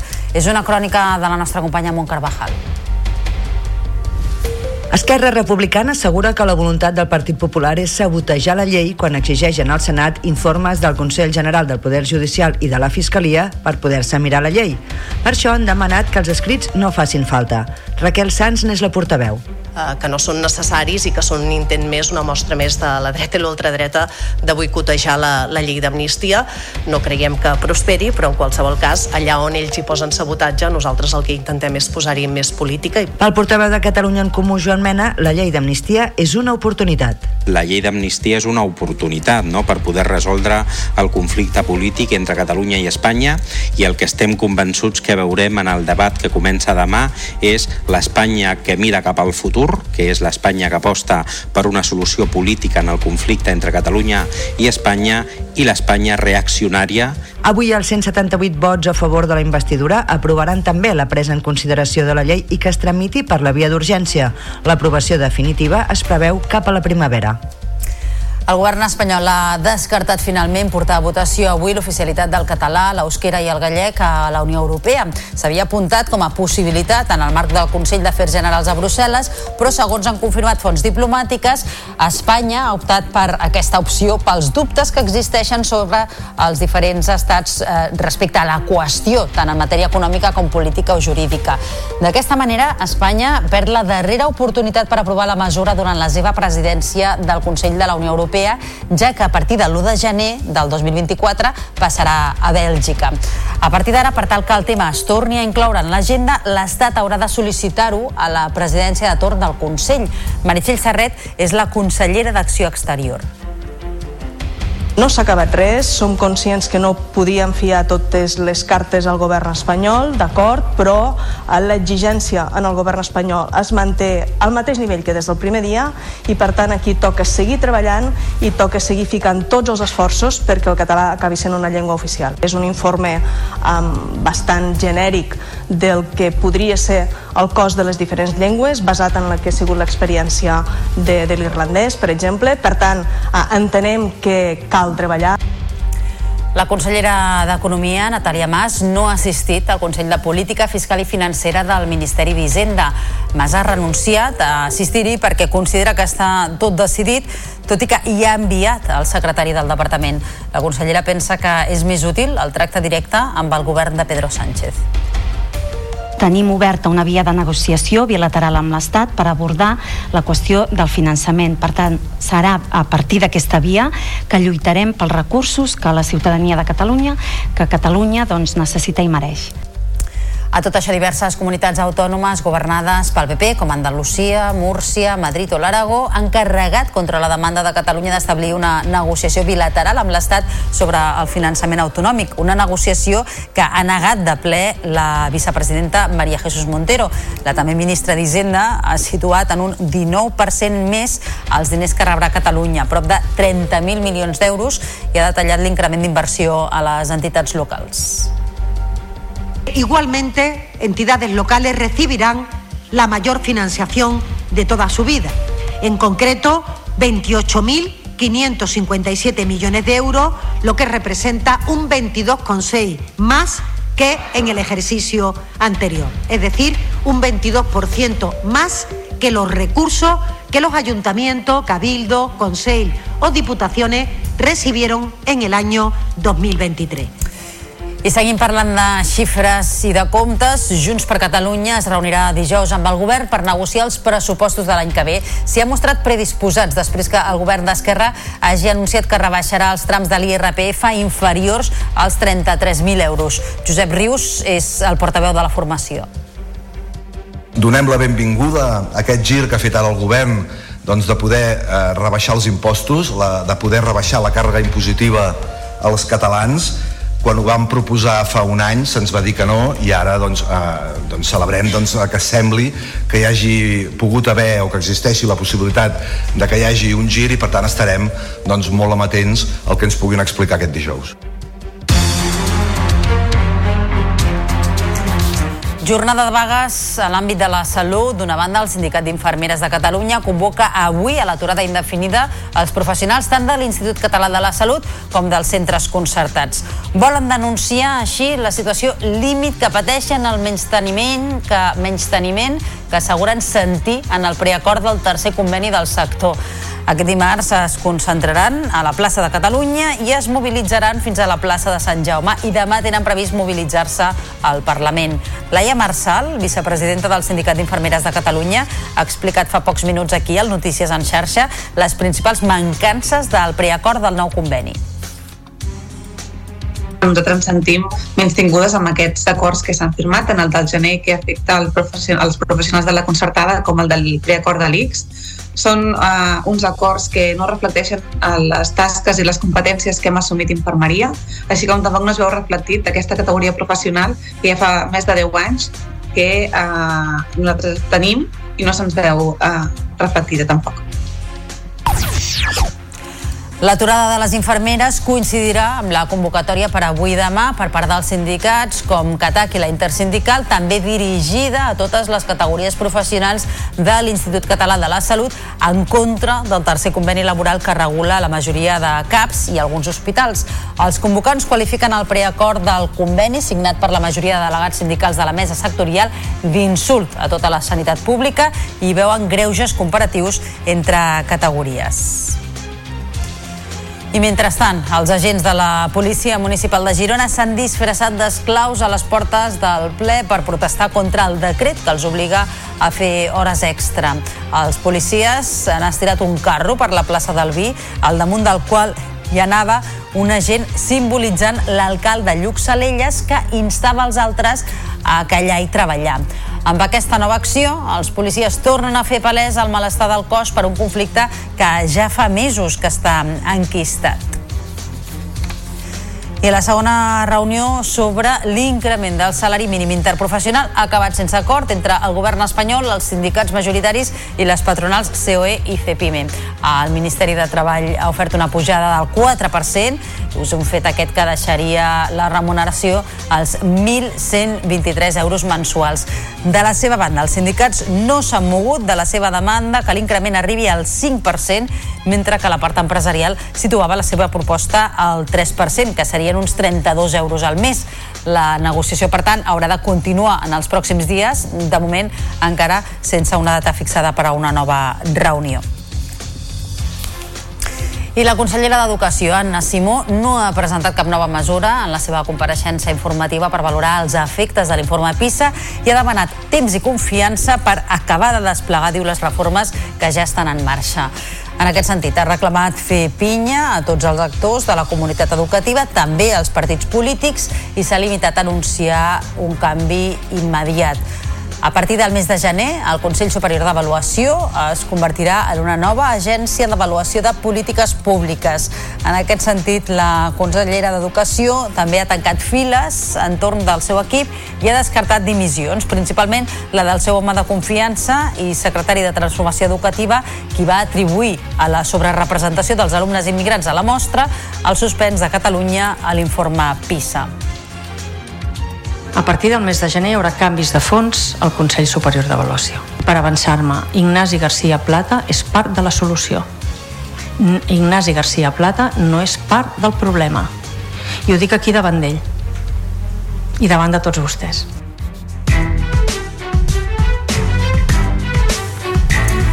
Últim dia avui de la COP28, la cimera del clima, i si res no canvia, sembla que el resultat serà decebedor. El primer esborrany no recull la demanda principal de més de la meitat dels països assistents, que és el compromís d'acabar amb els combustibles fòssils. La Unió Europea ho considera del tot inacceptable i ja ha avançat que no el signarà. El text tot just apunta que s'ha de reduir progressivament el consum i la producció de combustibles fòssils per assolir les zero emissions als voltants del 2050. La ministra per a la Transició Ecològica, Teresa Rivera, veu difícil que avui s'arribi a un acord, com vol la copresidència de la COP28, però es mostra oberta a continuar negociant. I l'Agència Catalana de l'Aigua comença a sancionar els ajuntaments per consumir més aigua de la permesa durant l'excepcionalitat per sequera. Begú i Palau Saverdera, tots dos a la demarcació de Girona, són els dos primers consistoris castigats. Begú és qui haurà de pagar la multa més gruixuda, més de 54.000 euros per haver superat en més de 115 litres la quota màxima per persona i dia al mes de setembre. En el cas de Palau Saverdera, la multa és de gairebé 19.000 euros.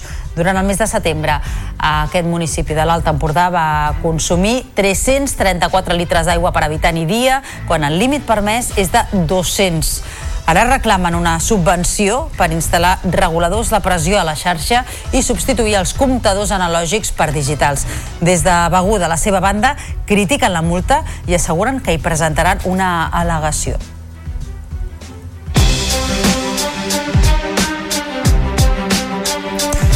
Passant ara dos minuts d'un quart de nou del matí, Renfe prohibeix a partir d'aquest dimarts portar el patinet elèctric als trens.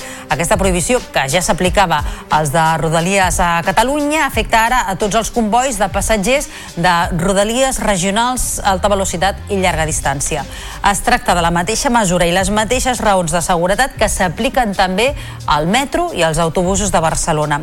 Des de Renfe asseguren que adopten aquesta mesura per la situació de perill general generada davant el risc d'incendis per bateries, ja sigui per manipulació, desperfectes o per la utilització de carregadors diferents. Així Renfe podrà obligar un viatger a abandonar el tren si du un objecte, equipatge o vehicle que atempti contra la seguretat del transport o la dels altres viatgers.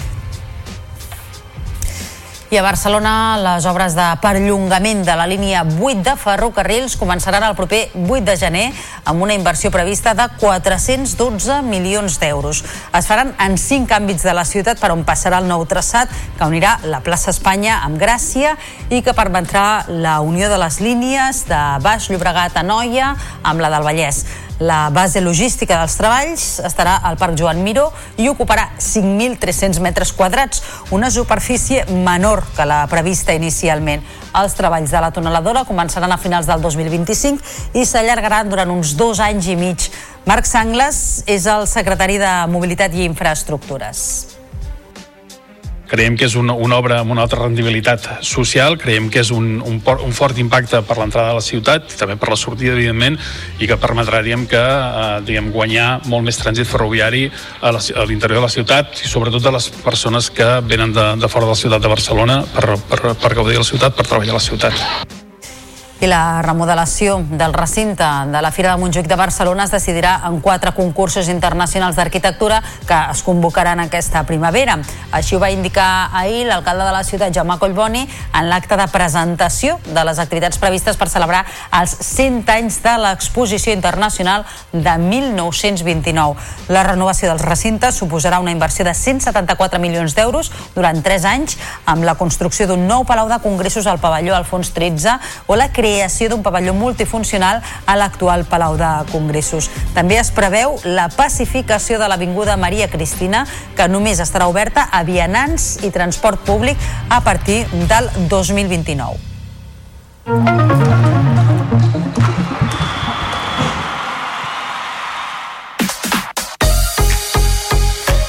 El Barça viatja avui cap a Bèlgica, on demà tancarà la fase de grups de la Lliga de Campions davant l'Anvers. Amb la classificació per als vuitens de final sota el braç, els blaugranes buscaran assegurar de manera matemàtica la primera posició del grup.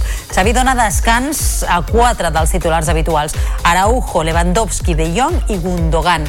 Unes absències que s'uneixen a les dels lesionats Ter Stegen, Gavi, Íñigo Martínez i Marcos Alonso. Per completar la llista entren els joves del filial Héctor Fort, Marc Casador, Alarcón, Marc Guiu i el porter Diego Cochen. Aquest migdia a la una se sortejaran els setzents de final de la Copa del Rei, una eliminatòria en què ja entraran a la competició els quatre equips que disputaran la Supercopa. El Barça quedarà emparellat amb algun dels supervivents de la segona o la primera federació. L'Espanyol, per la seva banda, s'haurà d'enfrontar a un equip de primera, mentre que el Girona, sense gaires condicionants, pot creuar-se amb un rival de qualsevol categoria. L'eliminatòria dels setzents a partit únic es disputarà entre els dies 5 i 7 de gener. Barça i Freikin Granollers tancaran avui la primera volta de la Lliga Sobal. Els blaugranes, que van assegurar-se ser campions d'hivern diumenge a Osca, rebran el penúltim classificat, el Port Segon. Carlos Ortega recupera Blas Jank, un cop recuperat dels problemes de lumbàlgia. Per la seva banda, l'equip ballesà s'enfrontarà al Benidorm. Per a tots els conjunts serà l'últim partit abans de la disputa de la Copa d'Espanya el proper cap de setmana. La parataicondista Dàlia Santiago ja té el bitllet per a disputar els Jocs Paralímpics de París 2024. La ripollesa ha acabat l'any amb una medalla de bronze al Gran Prix final i en la tercera posició del rànquing mundial. Més dades des de Televisió del Ripollès, Judit Curós. Després de quedar-se a les portes fa dos anys i mig, la Ripollès ha aconseguit ara classificar-se per ser als Jocs Paralímpics de París l'any que ve de para taekwondo. Ho ha fet ratificant la tercera posició en el rànquing mundial després d'aconseguir la medalla de bronze en el Gran Prix final. Muy contenta porque el trabajo realizado ha valido la pena. Estamos clasificados, ya es un peso que nos quitamos de encima pero ahora hay que luchar por esa medalla olímpica y la de oro, vamos a por, a por la de oro. Amb el bitllet a París aconseguit, els objectius ara canvien. Esto ya, lo primero del año, nuestro objetivo es trabajar para los Juegos. Entonces, eh, todos los campeonatos que no puedan venir van a ser una prueba, una prueba para practicar y probar todas aquellas cosas que tendremos que poner luego en práctica el, el, día, el día señalado. El compte enrere ja ha iniciat amb una data fixa al calendari, el 31 d'agost de l'any 2024, que és quan la Ripollesa lluitarà per escriure una nova pàgina al llibre de la història. L'exentrenadora i excoordinadora del Club Patinatge Artístic Girona, Nuri Soler, s'ha acomiadat després de tres dècades vinculada a l'entitat. Una llarga carrera que va culminar amb la plata aconseguida en el darrer Mundial de Colòmbia. I han parlat els companys de televisió de Girona, Bru Ortega. Nuri Soler ha marcat un abans i un després en la història del Club Patinatge Artístic Girona. Va iniciar-se en el món del patinatge amb tan sols 10 anys. 30 anys després, Soler ha decidit fer un pas al costat perquè necessitava un canvi en la seva vida, com bé explica. No són coses negatives, no? que molta gent li sembla ostres, que t'ha cremat? No, no, no he acabat cremada, he acabat bé, he acabat feliç, però tenia ganes d'un canvi, simplement. A vegades costa d'entendre perquè estàs en un moment bo, amb bons resultats, amb medalles mundials, però jo tenia clar també que no volia esperar a estar malament per plegar. Després de l'última plata aconseguida també al Mundial de Colòmbia, on també va firmar la seva primera medalla com a entrenadora, tancant així un cicle, la gironina ha deixat el club. Estic vivint el patinatge des d'un altre punt de vista, estic fent tecnificacions, estic anant a ajudar puntualment a entrenadors de show que volen doncs, la meva experiència, no? faig formació per Federació Catalana i Espanyola, però molt més espaiat en el temps. Soler s'ha convertit en un dels artífecs del que és el Club Patinatge Artístic Girona a dia d'avui i ja ha passat a formar part de la història de l'entitat.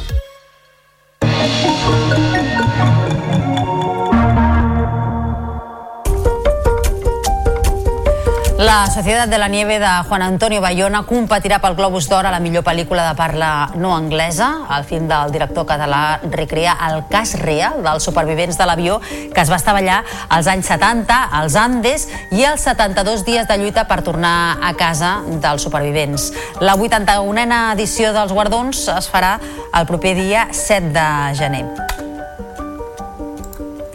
Figueres Cultura ha presentat la seva temporada per a l'any vinent, que inclou més de 150 activitats per a tots els públics. El programa, que va estar des de gener fins a juny, compta amb propostes de Figueres Escenes, el Museu de l'Empordà i la Biblioteca Fages de Climent. En David Terrones, de la Televisió de l'Empordà, ens ho explica.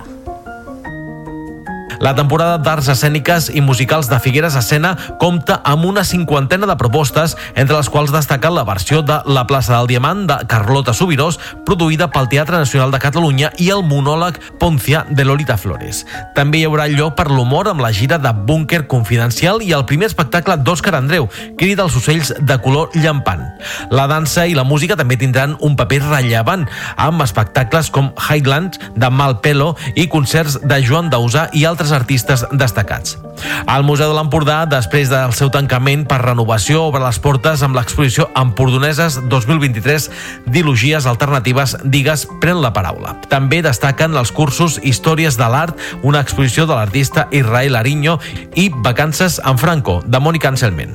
La biblioteca ofereix activitats diverses com conferències, tallers i nous clubs de lectura, incloent un enfocat al canvi climàtic i un club de lectura d'assaig.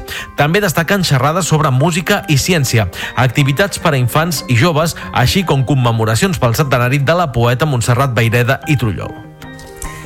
El Museu Víctor Balaguer de Vilanova i la Geltrú està restaurant les pintures que hi ha a l'entrada. Aprofitant que està tancat al públic per fer-hi tasques de climatització, s'intervé a les vuit pintures que són a la rotonda d'entrada des que es va fundar el museu a finals del segle XIX. Són imatges de l'època de set vilanovins i un barceloní il·lustres fetes per autors diferents. Es treballa en alçada per netejar i restaurar les pintures, tornar-les a fixar a la paret després. L'única que s'ha pogut baixar a terra ha estat la de l'arcabisbe Armanyà, una obra d'Anicet Pasqual. I la Biblioteca Pilarín Vallès a Vic ha guanyat el prestigiós Premi Archelo 2023. L'equipament s'ha reconegut com a Biblioteca de l'any pels prestigiosos Premis d'Arquitectura i Disseny de la plataforma digital i que atorguen un jurat i el vot del públic simultàniament. La Biblioteca Pilarín Vallès és un edifici de 5 plantes amb una superfície útil total de 4.000 metres quadrats.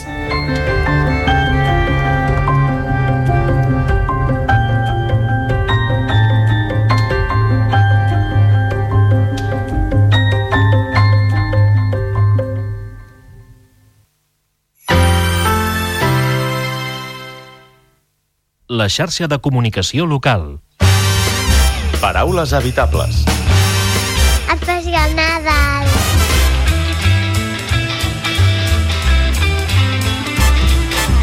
Diem els Nadals per influència del castellà, però no només hi ha hagut aquesta transformació del singular al plural, sinó que prèviament hi ha hagut la transformació d'afegir-hi un article davant, el Nadal, i després un segon pas de metamorfosi que és els Nadals en plural, que no és en cap cas admissible. Suposo que inconscientment, quan tu penses en Nadal com a data, doncs és el 25 de desembre, fum, fum, fum. Però, en canvi, el concepte Nadal engloba més dies. El dia de Sant Esteve, Cap d'Any, el dia de Reis... Per tant, sí que hi ha una idea més global i pot ser sí que hi hagi tendència a fer-ho en plural per això.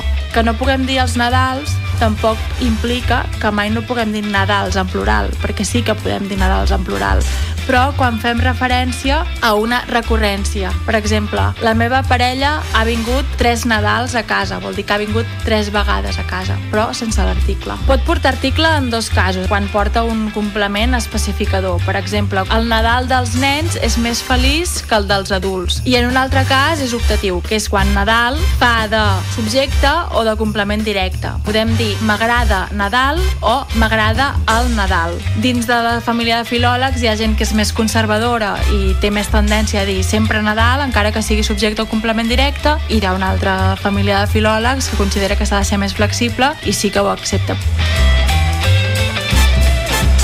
Laura Hortensi i altres lingüistes repassen el català d'aquestes festes a l'especial de Nadal del Paraules Habitables, a la teva ràdio local i a la xarxa més.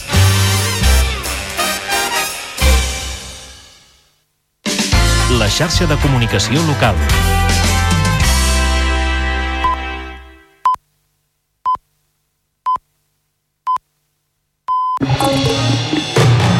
Notícies en xarxa, edició matí. Amb Taís Trujillo. Bon dia, són dos quarts de nou del matí i avui al Notícies en xarxa us estem explicant que el Congrés vota aquest dimarts la presa en consideració de la llei d'amnistia i la seva tramitació d'urgència. De seguida en parlarem amb Joan Caral, que és senador d'Esquerra Republicana.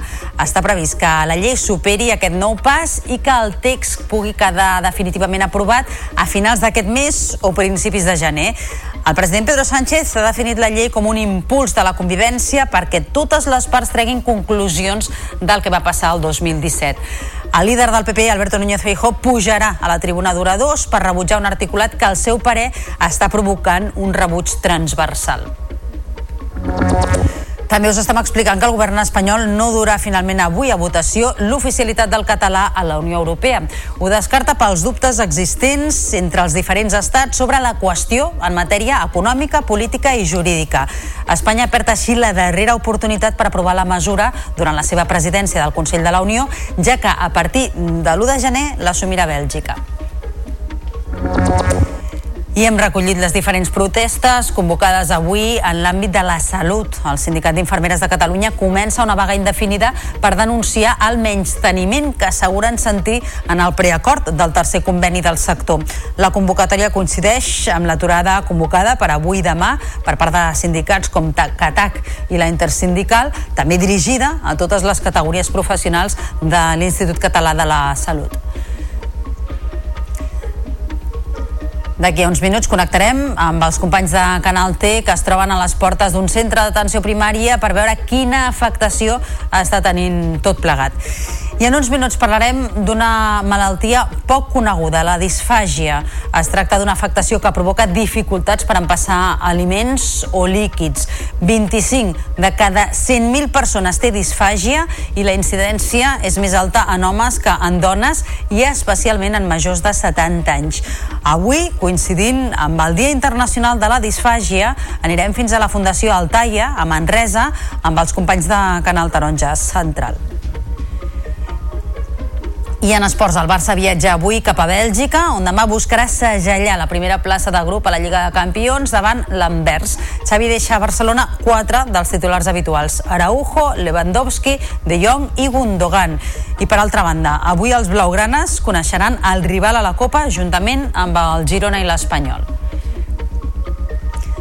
I en cultura, la Societat de la Nieve de Juan Antonio Bayona competirà pel Globus d'Or a la millor pel·lícula de parla no anglesa. El film del director català recrea el cas real dels supervivents de l'avió que es va estavellar als Andes als anys 70. La cerimònia d'entrega dels premis se celebrarà a Los Angeles el proper dia 7 de gener. ¿Qué nos pasó?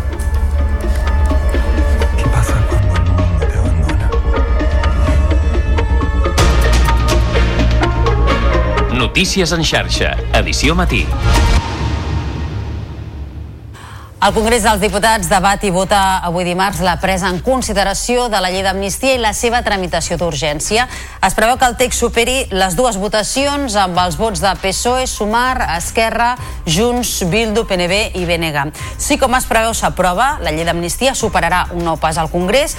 La norma, recordem, va entrar a la cambra baixa de la mà del PSOE, que la va registrar en solitari fruit de les dificultats d'acabar de tancar un acord amb Esquerra Republicana de Catalunya. Aquesta nova llei podria quedar definitivament aprovada a la cambra baixa a finals de desembre o a principis de gener si es compleixen els terminis. Sobre aquesta tramitació que avui arrenca, en volem parlar amb el senador d'Esquerra Republicana, el senyor Joan Caral. Senyor Caral, molt bon dia. Molt bon dia, Tais. Creu que eh, hauria de ser el president del govern espanyol, Pedro Sánchez, qui estigués avui a l'hemicicle defensant aquesta llei d'amnistia? Uh, L'important és que es tramiti la llei, no qui la, qui, no qui la defensi. Uh -huh. Vull dir, no ho hem d'oblidar que és una iniciativa d'un partit polític, en aquest cas del PSOE. I per tant, jo crec que des del punt de vista d'estricte, diguem-ne, d'estricte parlamentarisme, no és cap, uh, no és cap extravagància que sigui el portaveu del partit al, al Congrés el que presenti la llei. Però això és igual, l'important és que la llei s'aprovi, no qui la defensi. Uh -huh. Per tant, eh, avui arrenca eh, aquesta tramitació. Com preveu que sigui des d'Esquerra Republicana? Pensen que els obstacles que intentaran posar Vox i Partit Popular, segons han anat dient ja prèviament, eh, faran complicat avançar en aquesta aprovació? Més que complicada serà molt desagradable, serà molt bronca. Perquè, a més, eh, de part, diguem-ne, de l'oposició, hi ha una frustració que facin el que facin perden. I això és molt frustrant. I això incrementa la irritació incrementa les males formes i hem vist el senyor Bascal el seu sentit democràtic eh, ja hem vist el senyor Feijó el seu sentit democràtic i hem vist el portaveu parlamentari del PP el seu sentit democràtic. Vull dir, això encara farà més aguditzar-lo. Però la, no hi ha res que estigui previst que vagi en contra de la, de la tramitació. Jo crec que seguirà endavant. Mm. Per part d'Esquerra Republicana, eh, està clar si presentaran o no esmenes a aquest text? Això, mira, això es mira veient.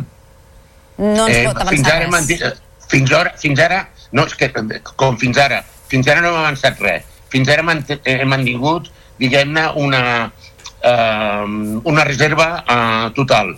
I no ha anat malament, doncs continuarem amb aquesta metòdica. Reserva.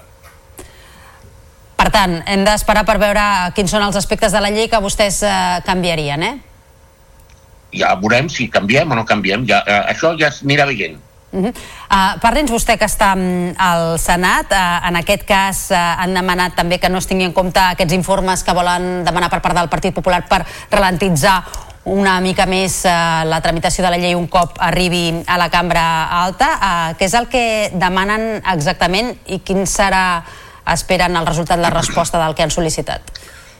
No, és que eh, el tema és que el, la majoria, el corró del PP al Senat vol fer-lo servir per demanar uns informes que no són, que no són ni preceptius ni estan previstos a la llei. O sigui que mm, no són ni preceptius ni previstos a la llei. Llavors es salten la llei a la torera. Joan Caralt, senador d'Esquerra Republicana de Catalunya, moltíssimes gràcies per haver-nos atès aquest matí al Notícies en xarxa coincidint amb aquesta primera jornada de tramitació de la llei d'amnistia al Congrés dels Diputats. Molt bon Molt dia. bé, un plaer com sempre. Bon dia. Adéu. I el govern espanyol ha descartat finalment portar a votació avui l'oficialitat del català, l'eusquera i el gallec a la Unió Europea. S'havia apuntat com a possibilitat en el marc del Consell d'Afers Generals a Brussel·les, però segons han confirmat fonts diplomàtiques, Espanya ha optat per aquesta opció pels dubtes que existeixen entre els diferents estats sobre la qüestió, tant en matèria econòmica com política o jurídica. D'aquesta manera, Espanya perd la darrera oportunitat per aprovar la mesura durant la seva presidència al Consell de la Unió Europea, ja que a partir de l'1 de gener del 2024 passarà a Bèlgica. I diverses comunitats autònomes governades pel PP, com Andalusia, Múrcia, Madrid o Aragó, han carregat contra la demanda de Catalunya d'establir una negociació bilateral amb l'Estat sobre el finançament autonòmic. És una negociació que ha negat de ple la vicepresidenta Maria Jesús Montero. La també ministra d'Hisenda ha situat en un 19% més els diners que rebrà Catalunya, prop de 30.000 milions d'euros, i ha detallat l'increment d'inversió a les entitats locals. Igualmente, entidades locales recibirán la mayor financiación de toda su vida. En concreto, 28.557 millones de euros, lo que representa un 22,6 más que en el ejercicio anterior. Es decir, un 22% más que los recursos que los ayuntamientos, cabildo, consell o diputaciones recibieron en el año 2023.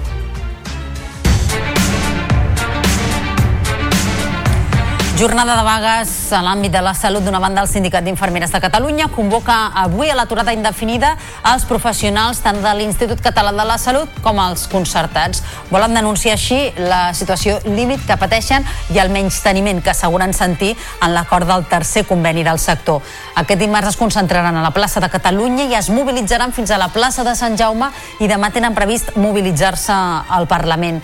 Laia Marçal, vicepresidenta del Sindicat d'Infermeres de Catalunya, ha explicat fa pocs minuts aquí al Notícies en xarxa les principals mancances del preacord del nou conveni. nosaltres ens sentim menys tingudes amb aquests acords que s'han firmat, tant el del gener que afecta el profession els professionals de la concertada com el del preacord de l'ICS. Són uh, uns acords que no reflecteixen uh, les tasques i les competències que hem assumit infermeria, així com tampoc no es veu reflectit aquesta categoria professional que ja fa més de 10 anys que uh, nosaltres tenim i no se'ns veu uh, reflectida tampoc. L'aturada de les infermeres coincidirà amb la convocada per avui i demà per part de sindicats com CATAC i la Intersindical, també dirigida a totes les categories professionals de l'Institut Català de la Salut en contra del tercer conveni laboral que regula la majoria de centres d'atenció primària i alguns hospitals. Per veure com arrenca el dia i com està afectant de moment aquesta aturada, connectem en directe amb els companys de Canal T, el Miqui Colomer i el Dani Camacho, que estan a les portes d'un dels eh, CAPs dels centres d'atenció primària de Tortosa. Dani, molt bon dia.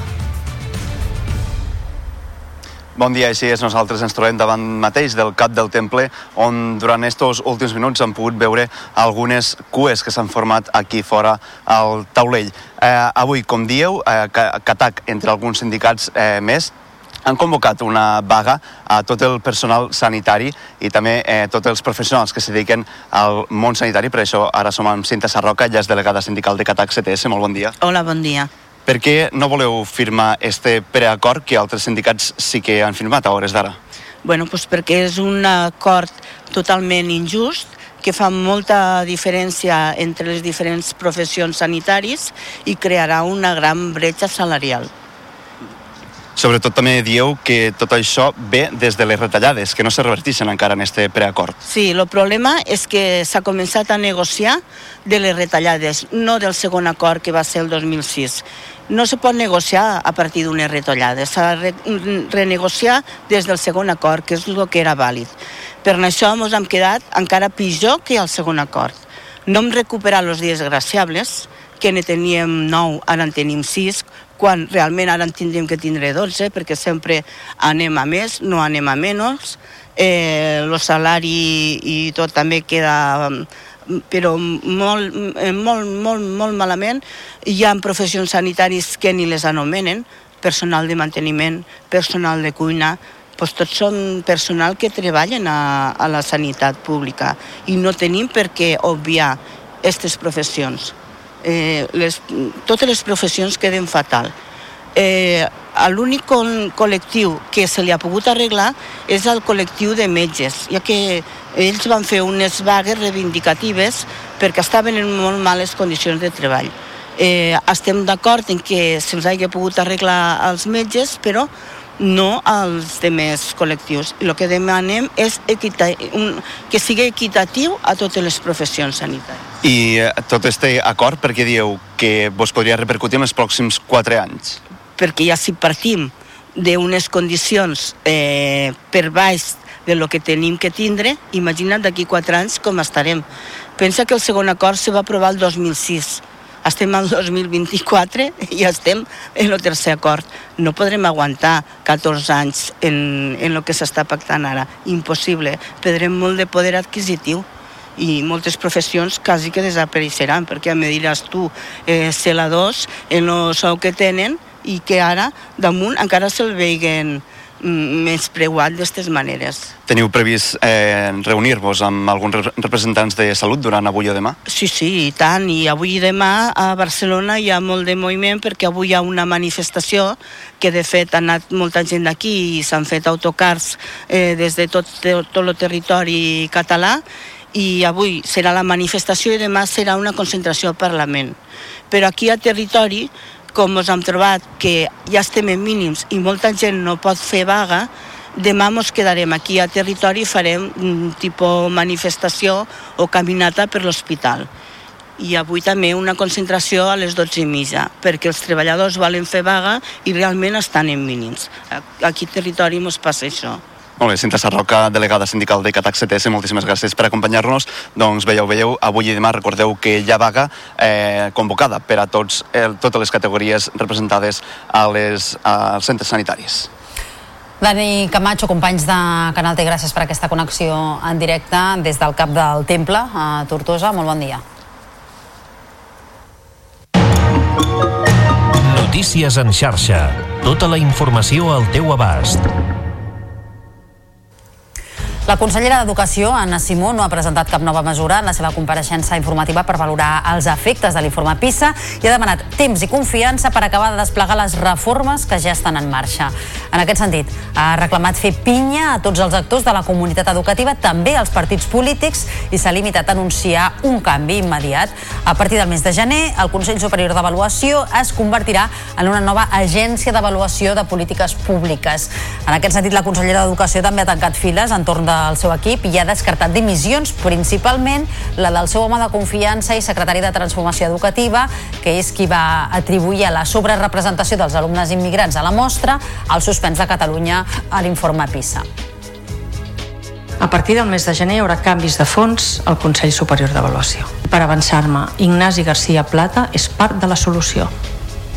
Ignasi Garcia Plata no és part del problema I ho dic aquí davant d'ell i davant de tots vostès. Renfe prohibeix a partir d'aquest dimarts portar el patinet elèctric als trens. Aquesta prohibició, que ja s'aplicava als de Rodalies de Catalunya, afecta ara tots els convois de passatgers de Rodalies, regionals, alta velocitat i llarga distància. Es tracta de la mateixa mesura i les mateixes raons de seguretat que s'apliquen també al metro i als autobusos de Barcelona. Des de Renfe asseguren que adopten aquesta mesura per la situació de perill generada davant el risc d'incendis de bateries, ja sigui per manipulació manipulació, desperfectes o per la utilització de carregadors diferents. Així, Renfe podrà obligar un viatger a abandonar el tren si du un objecte, equipatge o vehicle que atempti contra la seguretat del transport o la dels altres viatgers.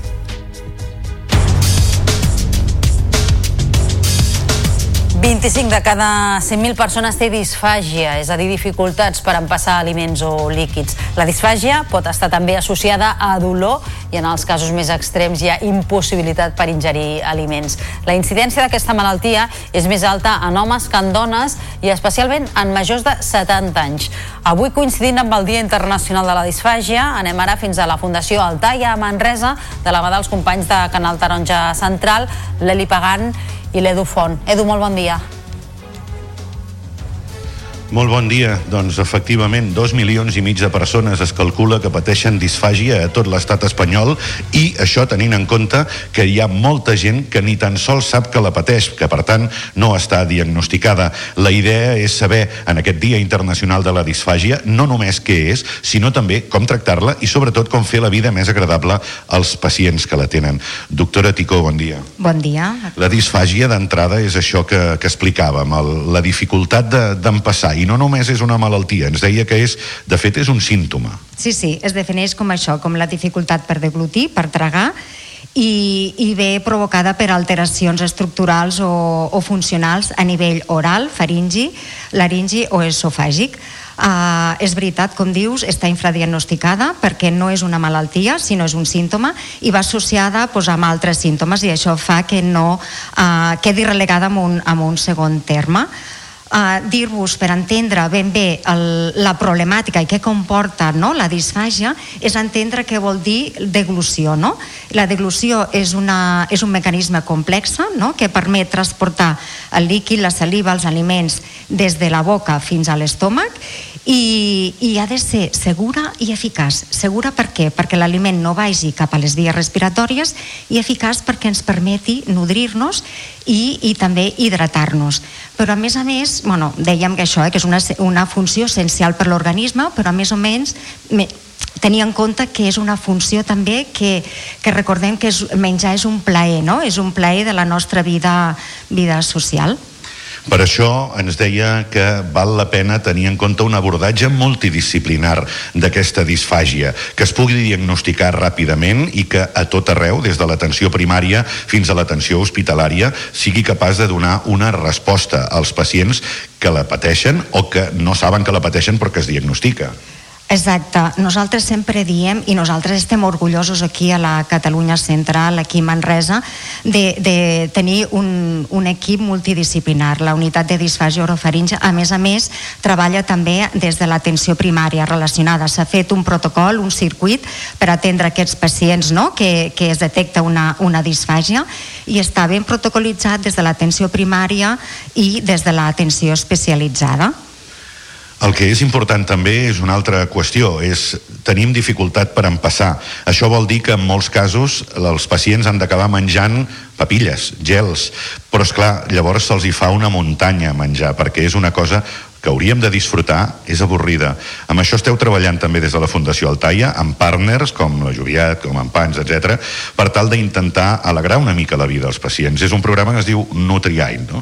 Sí, està el Nutrial, vull dir, Uh, és important no? de tenir en compte el, el tractament de la disfàgia que no és una pastilla i ja està, sinó que, que dèiem eh, aquest abordatge multidisciplinar que inclou no? doncs, fer una alimentació segura i eficaç i, i per això doncs, bueno, es prescriuen una sèrie d'espessants de, de, per adaptar aquesta dieta i a més a més a vegades sí que requereix, depèn de la patologia, de l'etiologia i depèn del pacient també uns exercicis o unes maniobres que, mm, que facin aquesta alimentació segura i eficaç.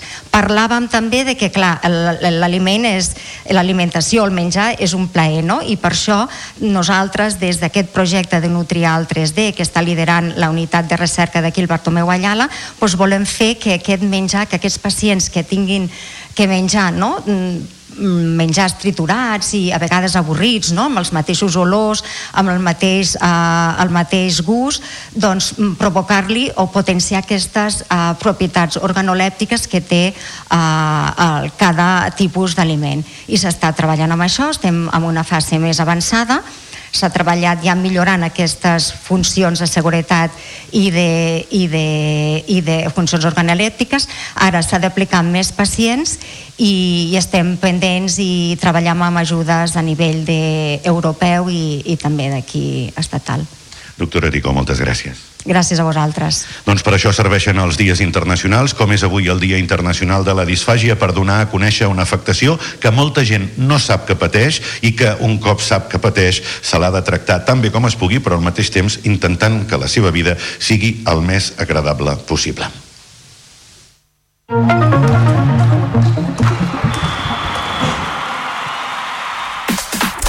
Falten ara 8 minuts perquè siguin les 9 en punt del matí. Aquí a Notícies en xarxa repassem l'actualitat esportiva. Cristina, molt bon dia. El Barça viatja avui a, a cap a Bèlgica, on demà tancarà la fase de grups de la Lliga de Campions. Sí, s'enfrontarà el cué del grup, que és l'Anvers. L'equip laurana ja té assegurada la classificació per als vuitens de final de la Champions, però li queda acabar de certificar la primera posició del grup.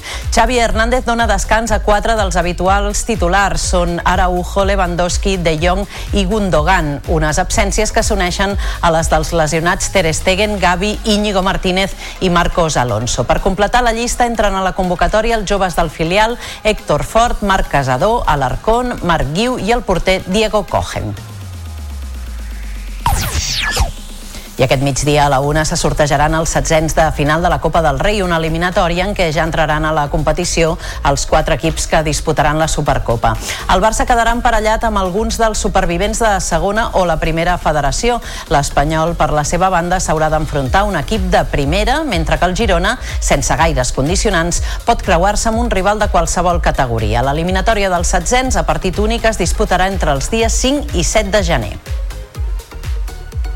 L'exentrenador del Barça femení, Lluís Cortés, és el nou seleccionador de l'Aràbia Saudita. Serà la segona experiència del tècnic de Balaguer dirigint un combinat després d'haver entrenat l'equip d'Ucraïna. Cortés, que va dirigir l'equip blaugrana entre el 2017 i el 2021 i va ser l'entrenador en la consecució de la primera Champions, ha signat contracte fins al 2027, quan es disputarà el proper Mundial. L'hoquei Lliga Femenina d'hoquei patins es reprendrà el proper cap de setmana després de l'aturada per la disputa de l'europeu d'Olot. La consecució del títol per part de l'equip espanyol ha tornat a demostrar que el planter dels clubs catalans és el més potent del continent. Un dels exemples és el del Vilassana, que compta amb dues de les campiones, Victòria Porta i Anna Salvat. És una informació d'Eva Cortijo de Lleida TV.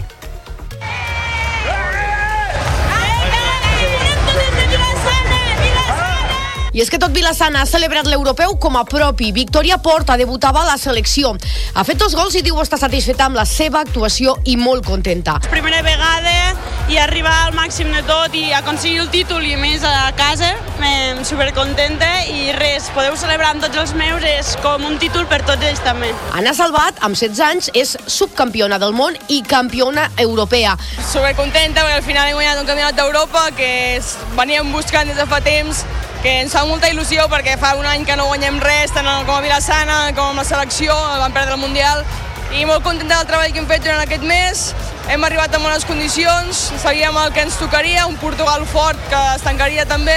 Reconeix que ella a nivell personal ha tingut algun error, però que l'ajudaran a prendre segur. S'ha presentat la segona edició del Tot Esport, una experiència que busca fomentar la pràctica de l'esport entre els més joves. Després de l'èxit de l'any passat, el 2024 començarà amb una nova oportunitat perquè nenes i nens descobreixin els esports que es practiquen a Catalunya. La cita serà a Barcelona, a les instal·lacions d'INEF, entre el 2 i el 5 de gener i s'hi podran practicar una vintena d'esports. La secretària general de l'Esport del govern català, Ana Caula, i la jugadora de bàsquet Ana Cruz destaquen la importància de la iniciativa un espai lúdic, un espai esportiu on els infants i famílies poden descobrir tots aquells esports que pots practicar, a vegades aquells més visibilitat o menys visibilitat i amb un tret diferencial de cadascú d'aquest esport descobreixes quina és la referent i que hi ha equips catalans al capdavant que aconsegueixen grans resultats. Bueno, per mi és com molt il·lusionant, no? Eh, ser com una imatge referent pels nens petits, no? per les nenes sobretot, que tinguin aquest, aquest, aquest referent on, on, on es poden fixar, on poden tenir com una espècie d'ídol, no? Doncs es podrà visitar del 2 al 5 de gener a les instal·lacions de l'INEF de Barcelona. Gràcies, Cristina. Fins demà. Fins demà. Nosaltres ara, en plana cultural, us expliquem que la pel·lícula La Societat de la Nieve, del director català Juan Antonio Bayona, competirà pel Globus d'Or a la millor pel·lícula de parla no anglesa. El film recrea el cas real dels supervivents de l'avió que es va estavellar als anys 70 als Andes i els 72 dies de lluita per tornar a casa dels seus supervivents. La 81a edició dels Guardons Guardons es farà el proper 7 de gener. D'aquesta manera acabem avui. Nosaltres tornem demà, com sempre, a primera hora del matí, amb més informació de territori. Que passin un molt bon dimarts. Adeu.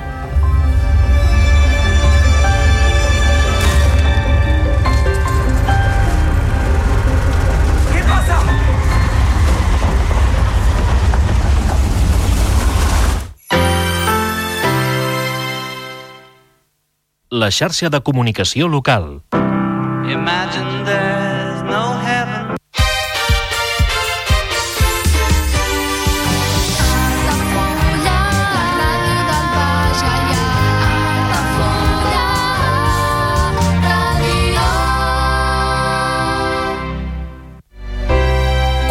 Comunions 2024.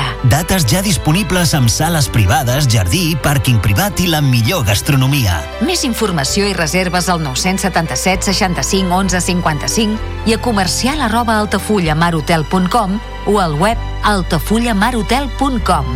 Les teves celebracions familiars a l'Altafulla Mar Hotel. Ja coneixes les propostes que t'ofereix el Club Marítim Altafulla? Vine i descobreix totes les nostres activitats. Sortides en caiac o pa del surf, cursos de vela per a totes les edats. No t'ho perdis i gaudeix d'un dels esports més segurs d'aquest any. Club Marítim Altafulla. Obert tot l'any i per a tothom.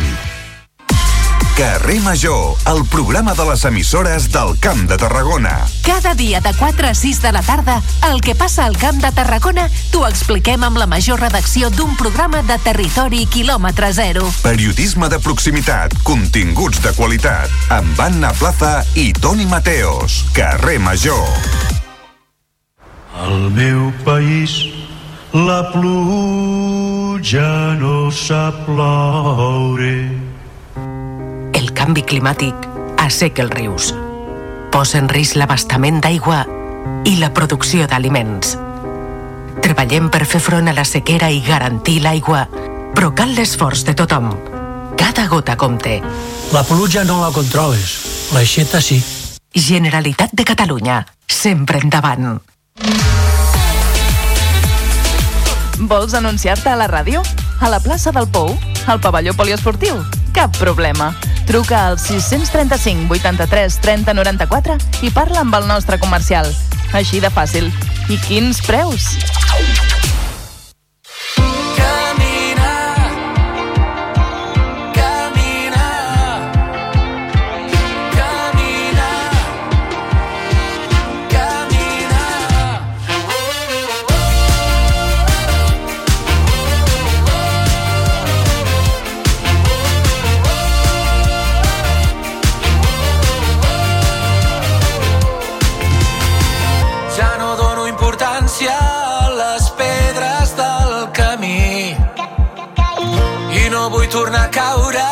M'aixeco igual que ahir.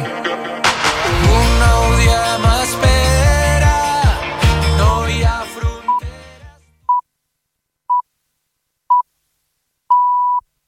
Són les 9 del matí.